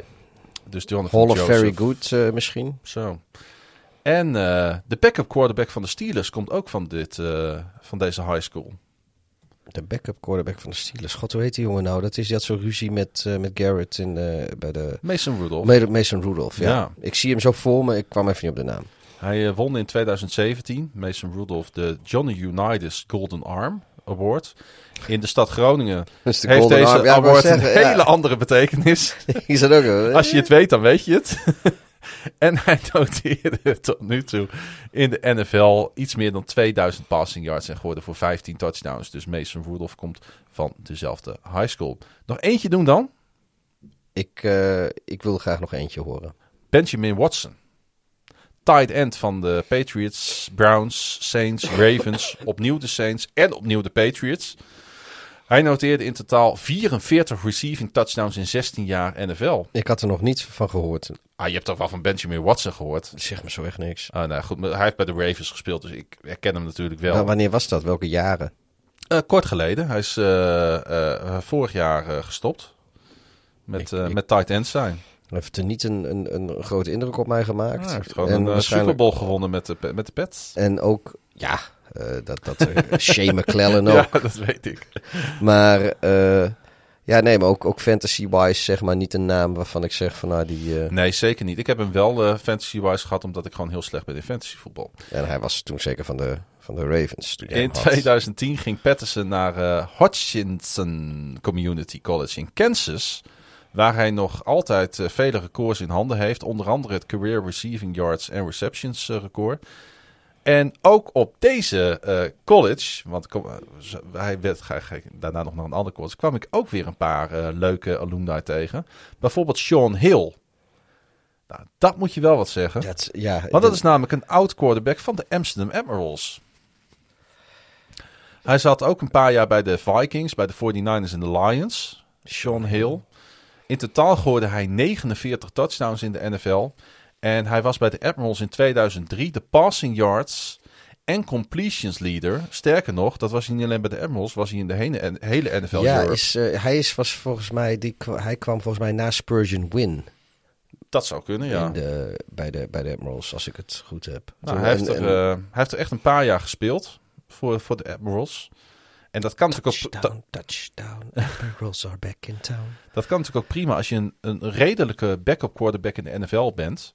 Dan is natuurlijk die NFL Europe in de zomer een eh, perfecte eh, manier om, oh je, ja joh, als, als, om als, wat centjes bij te als die verdienen. NFL Europe, als die, zoals die toen werd gespeeld, als die nog steeds was, joh, dan hadden we ook gewoon eh, afgelopen april, eh, want ze speelden dan vooral in april en mei, eh, als ik me het goed herinner. Had je gewoon zo'n Mason Maar Rudolph bijvoorbeeld gewoon ja, in Europe ja, of zien. misschien een Taysom Hill. Niet, Ja. Misschien niet dit jaar, maar vorig jaar, zeg maar, toen hij nog echt wel de, achter Breeze was. Ja. Eh, ja, weet je, dat, dat, dat is, dat, ja, dat was dan wel gewoon... Mhm. Zeker. En dan nog een laatste, die ook op deze, dit college zat. Elvin Kamara. De running back die natuurlijk al sinds 2017 eh, bij de New Orleans Saints speelt. en dat, eh, als je die niet kent als fantasy-speler, dan, eh, dan ben je ook echt, echt heel slecht. Dat ben je heel slecht, ja. In 2012 werd Patterson gerecruiteerd, gerecruiteerd door Tennessee. Waar natuurlijk de Tennessee Volunteers spelen. De Volts. Een team dat een aantal grote namen in de NFL heeft voortgebracht. Bijvoorbeeld Peyton Manning. Maar ook Jared Mayo hè, van de Patriots. Reggie White. Reggie White, die heeft inderdaad bij de Packers en bij de Saints, volgens mij, als uit mijn hoofd. In ieder geval de Packers. Absolute Packers inderdaad. Tweevoudig NFL Defensive Player of the Year. Ja. Tweevoudig. We hebben net eh, uitgelegd de- hoe lastig het is om eh, altijd op hoog niveau te Dus spelen. denk ik, Reggie White is denk ik ook wel de bekendste eh Packer die geen quarterback is. Na Bart Starr, Brett Favre en Ja. Rodgers is het al snel Reggie White volgens mij die genoemd wordt als, als grote, grote oud-Packer. Dat zou heel goed kunnen, inderdaad. En waar kan ik nou, eh, eh, eh, want ik ga even om dit verhaal af te ronden, eh Patterson vooral nog van herinneren. Nou, dat was week 14 in 2013. Ik weet niet of we hem klaar hebben staan trouwens. Ik, ik, Hoeft niet, hoor. oh, nee, voor, die, ik, heb hem, ik heb hem niet klaarstaan. Oh, dan gaan we dat ook niet doen, dat geeft niet. Maar we hebben het er wel eens over gehad in deze podcast. De Vikings moesten toen een sneeuwwedstrijd in Baltimore spelen. En hij ving in die wedstrijd nou, iets van 140 yards of zo. En hij bracht met één minuut te spelen op de klok toen een screenpass van Matt Kessel 49 yards eh, naar huis. Eh, waardoor de Vikings toen. En dit moet je gewoon op gaan zoeken op YouTube. De final two minutes van Vikings Die- ja. Ravens 2013. Dat moet je echt met Volgens mij hebben wij die wedstrijd samen zitten kijken. met, dat met, ook... met, met kick-off returns, eh, met punt returns, met interception returns. Jacoby Jones heeft, heeft daar nog een, een punt return teruggelopen. De, de Patterson heeft, eh, heeft eh, deze play daar gemaakt. Ehm, uiteindelijk wonnen de Ravens die wedstrijd wel door een hele dubieuze penalty. eh, de, tegen, de, tegen de Vikings, weet ik nog. Met, Ja. met Joe Flacco. Maar ga dit terugkijken op YouTube. En, eh, en toen, hij viel mij daarvoor al op. in preseason. Want ik weet nog, wij speelden dat seizoen ook preseason tegen de Vikings. En toen zag ik hem gaan, joh. Ja. Als, als, als running back, als wide receiver, als return. Ik denk, die moeten we in de gaten gaan houden. En nu zijn we gewoon, ja, acht, negen jaar later. En we genieten gewoon nog steeds van Cordero Patterson. Ja, en ja, hij heeft, voor mij een paar ja, dieptepunten zijn. Hij heeft volgens mij een, eh, een kick-off return namens de Vikings tegen de, tegen de Bears heeft hij teruggelopen. Dat was volgens mij ook de, de kick-off van de wedstrijd. Eh, hij heeft het met de Patriots ook een keer gedaan tegen de Bears. Daar was ik toen wat minder blij mee, want eh, dat kostte de Bears eigenlijk een beetje die wedstrijd. Ehm, en, en de, de number two seat in de NFC eh, dat seizoen achteraf. Ehm, ja, en wat natuurlijk ook is, het jaar dat hij bij, of een van de jaren dat hij bij de Bears speelde, had hij tegen de Saints die eh kick-off return. En die, dat, die is nog best wel viral gegaan, omdat hij zo mooi werd gevolgd door de Spidercam. En die dus werd dat, toen eh, afgevlacht. Nee, die, die was Dus die gewoon. ging wel eh, door. ja, maar, de, maar die, die Spidercam, die, eh, die ging gewoon op die op Soldier Field hangt, die ging gewoon helemaal met hem mee. Van eh, de, eerst met de, met de bal zelf en helemaal naar hem toe. Dan zag Mhm. hem vangen en vervolgens. En dan zie je al die Saints-spelers die proberen hem te tackelen. En hoe die, hoe die daar mooi omheen liep en zo. Dus dat was, ja, die, de Bears verloren die wedstrijd uiteindelijk. Maar die, dat was wel echt een van de hoogtepunten van het seizoen qua eh, filmopnames. Net zoals de Falcons eh, helaas voor hun ook deze week verloren. Ondanks dus een topprestatie van eh Cordero Patterson. Een speler die volgens mij in geen enkel NFL-team zou meer staan. Zeker niet.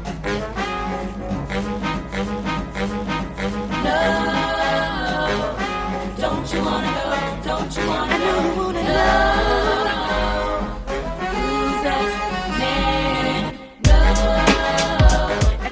De Who's That Man van deze week is dus Cordero Patterson, speler van de Atlanta Falcons. We gaan voorspellen. Ja. Niet voordat eh, ik de laatste vraag, opmerking eh, heb benoemd. Want eh, Frankie, die vraagt zich af... waarom is het volgens jullie toch zo moeilijk om de NFL te voorspellen? Zijn er wekelijks meerdere verrassingen... en kan het niveau van een team, bijvoorbeeld Bears... bijvoorbeeld de Giants, bijvoorbeeld de Steelers... per week zo enorm verschillen? Nou, vooropgesteld dat over het algemeen voorspel ik wel redelijk goed. Ja, in ieder geval beter dan dat ik dat doe. Nee, ehm, ik denk dat, dat dat vooral komt omdat het niveau van de teams verschrikkelijk dicht bij elkaar ligt. Dus zelfs het En dit verschil... seizoen misschien nog wel wat meer. ja, zel- zelfs de, de, de Chiefs of de, of de Rams of de Bills eh, te- tegen de eh, eh, Jaguars. De, ze zijn, die, die eerstgenoemde teams zijn wel op- echt op iedere positie beter op het moment. Maar het verschil is, is relatief klein. En dat, dan, dan zie je dus ook dat als een, een, een minder team zoals de, de Jets eh afgelopen speelronde gewoon een goede dag heeft. En een beter eh, geacht team zoals de, de Titans, die hebben een wat mindere dag. Ja, dan kan dat maar zomaar afwisselen. En als een goed team met een goede defense zoals de, eh, de Browns tegen een, een, een, een team met een matige O-line die absoluut zijn dag niet heeft, zoals de Bears vorige week. Ja, als, da- dan, dan zijn alle verhoudingen in één keer zoek. Maar, maar het- uiteindelijk ligt het altijd gewoon heel dicht bij elkaar. Dus heb je ook gewoon grote uitslagen. Het is niet dat een team eh, eh, ja, misschien de allerbeste teams en alle slechtste teams, die, die zijn een heel jaar door goed of slecht. Maar zelfs dan 0-16 of 16-0 of nu dan 17-0, 0-17, dat, dat komt niet vaak voor. Ehm, de, maar er komt gewoon, ja, het is niet zoals in de eredivisie dat... Kijk, een club, een club als Ajax, die verliest wel eh, een paar keer in een seizoen, maar zelden van eh, de nummer laatst. Weet je, dat, dat in principe niet. En in de NFL is dat eh, allemaal net wat gebruikelijker volgens mij. Ja. Geen spel tussen te krijgen. Gaan voorspellen. Heb jij het een beetje voor je al? Ja, ik heb dat nog even snel weer gedaan toen jij eh Who's That Man deed. Jij dacht dat ik half in slaap aan het vallen was, maar ik zat even snel de... Nee, nee, nee, nee. nee. Even kijken, vorige week wil je nog even hebben. Wat heb jij er zes? Ik had er negen. Hartstikke leuk. Eh, eentje die jij goed had was natuurlijk Green Bay tegen Pittsburgh. Ja. Was op zich ook niet zo heel bijzonder eh, anders dan dat, eh, dat ik daar met mijn hart voorspelde. Eh je had Philadelphia tegen KC trouwens. Dat vond ik, had jij Philly als, als winnaar. Ze hebben ook 30 punten gescoord. Ja, maar ze hebben niet gewonnen. Nee. En je had ook Detroit die, eh, die Chicago's overslaan. Nou, dat Ja. is ook niet gebeurd. Maar ja, aan de andere kant, ik had, eh, ik had Denver tegen, als winnaar van, eh, van de wedstrijd tegen Baltimore. Ha. Maar goed, ook dat is niet gebeurd. Gaan wij naar de voorspellingen voor week 5 in, in de NFL. En die begint volgens mij met een Thursday night, als ik mij niet vergis. Ja. Tussen de Rams en de Seahawks. Ik heb, ik heb het hele rijtje hier al staan. Inderdaad, zijn de, de Rams gaan op bezoek bij de Seahawks. En ik zeg dat de Rams gewoon terug gaan komen van hun nederlaag deze week. Dan ga ik voor de Seahawks. Gewoon nu alweer. Ja, nee, dat, dat, zo moet dat natuurlijk ook. Eh, de Jets gaan op bezoek bij de Falcons. Eh, Falcons. ATL. Ik heb zoiets van eh, die Jets die weten nu hoe het is om te winnen. Ik zet daar een keer de Jets neer. Ik ben een paar keer op rij voor Atlanta gegaan. Wedstrijd die trouwens ehm, eh, volgens mij eh, voor ons in Nederland om half vier 's middags begint. Dat is mooi in een uh, interland weekend eh, volgens mij. Dus we hebben toch geen FC Groningen. Nee, we hebben een middaggame. Eh voor de Amerikanen betekent dat vroeg opstaan. Een ochtendgame. Ja, half vier 's middags kunnen wij daar gewoon lekker voor gaan zitten. En ja, het zijn dan niet de twee beste teams, maar als Ja, je toch kan niks wel anders te doen het kan hebt, wel spectaculair kan worden. zeker. Zoals deze teams afgelopen seizoen, afgelopen week gespeeld ja. hebben. Ja. Ja. En als je erheen gaat, eh, lieve luisteraars, eh, en je bent erbij, stuur even een verslagje, een fotootje naar ons toe. Want Ja. eh, dan kunnen we dat even in de uitzending gebruiken. Lijkt me hartstikke leuk. Misschien kunnen we zelfs iemand inbellen die is geweest. ja, of... Even een kort reisverslagje, hè, daar houden we altijd van. Ja, wie weet. Ja, dus ga je heen. heb je interesse? stuur ons even een Ja. berichtje via de bekende kanalen. En wie weet nemen we contact met je op. En kun je jezelf terug horen in deze nu al legendarische podcast. En zo is het. US Bank Stadium. Ja, want eh, Detroit gaat op bezoek bij eh, Minnesota. En dan mag jij eerst. Ja, ik, eh, ik zeg dat Mini deze wint. Ja, ik ook. Zul je zien, hè? Ja, dus nu ga je het zien. Eh, het Bank Stadium van de Vikings, wat natuurlijk ligt aan Chicago Avenue. Dat moet altijd even erbij gezegd Ja. worden. Ehm, dan gaat de New Orleans Saints op bezoek bij de Washington voetbalteam. Ja, en omdat de Saints natuurlijk afgelopen week Het verloren is een oneven, oneven speelronde. gaan ze nu winnen. Ja. Ik, eh, ik, ik zet hem. eh,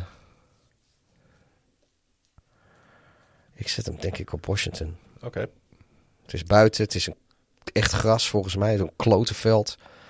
Een doomteam, met een beetje pech regent het ook als de zee. Ja. Ik eh, weet je waarom ook niet. Eh, de New England Patriots op bezoek bij de Houston Texans. Jij mag eerst. De Patriots gaan dit winnen. Texans. Doe maar weer. Dus jij. De Tampa Bay Buccaneers ontvangen, zoals wij eerder gezegd hebben, al de Miami Dolphins. Tampa Bay. Ja, dat. eh, daar, daar ga ik niet tegen je in. Dan zijn, zijn de Green Bay Packers die afreizen naar Ohio, Mag, naar het, Cincinnati. eh, mag jij het als eerste zeggen? Ja, fuck it, gewoon Cincinnati, huppatee. Ik ga voor de Packers. Ehm, de Pittsburgh Steelers ontvangen de Denver Broncos. Jij zegt Denver? Nou, dat Oh. is eh, niet zo makkelijker, vind ik, om te voorspellen. De Broncos zijn me enorm tegengevallen. Die gaan waarschijnlijk met Drew Lock spelen. Tegen die toch wel heel sterke Pittsburgh Steelers. Die vast ook een paar spelers terugkrijgen. Dus ik ga hier wel Pittsburgh callen. Ja, ik heb ook Pittsburgh staan. Eh, de Philadelphia Eagles op bezoek bij de Carolina Panthers. Nou, eh, zeg het maar. Eh, Carolina. Ja, dat zou je denken, hè? Jij, jij, jij gaat weer, ik ga weer voor Philly. net zo lang als een keer het- doen voor je. Nou, de Jacksonville Jaguars en de Tennessee Titans dan in, in Florida. Ja, dat, die ga ik toch aan de Jaguars geven. Ja, dat... ik, eh, ik denk dat, eh, dat het klaar is. Dat team neemt die coach niet serieus. Dit is een mooie Ja, bounce-back game voor de Titans. Want jij hebt ze aan Jacksonville gegeven, hè? Ik ja, ga ze aan Jacksonville ja geven. ik eh, ja. geef aan de Titans. Het gaat een heel rare speelronde worden. Cleveland Browns die afreizen naar South California, naar de LA Chargers in het mooie SoFi Stadium. Dat is de eerste late window wedstrijd. Vijf over tien. Nederlandse tijd. En die ga ik aan de Chargers geven. Ja, ik... eh, Ik denk dat Justin Herbert eh, nu eh, gaat doorstomen. Ik denk dat Ik ze- hoop het ook. Ja, ze zijn on fire. Hoe, maar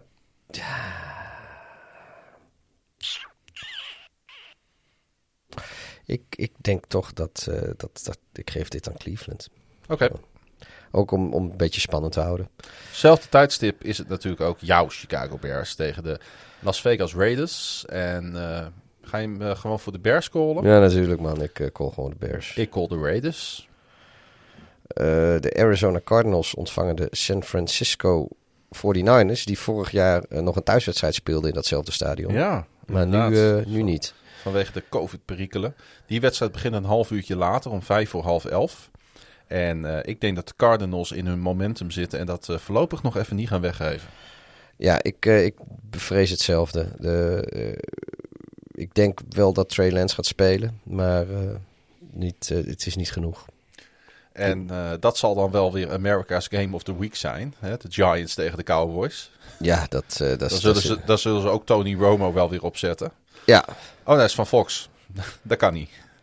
Ehm, maar goed, het, is, eh, het zal inderdaad wel... eh, Misschien dat Tony Romo wel in eh, Las Vegas is. dat zou maar zo kunnen. De Giants dus tegen de Cowboys. En die gaan de Cowboys wel winnen hoor. In eigen stadion. Ja. Denk ik wel.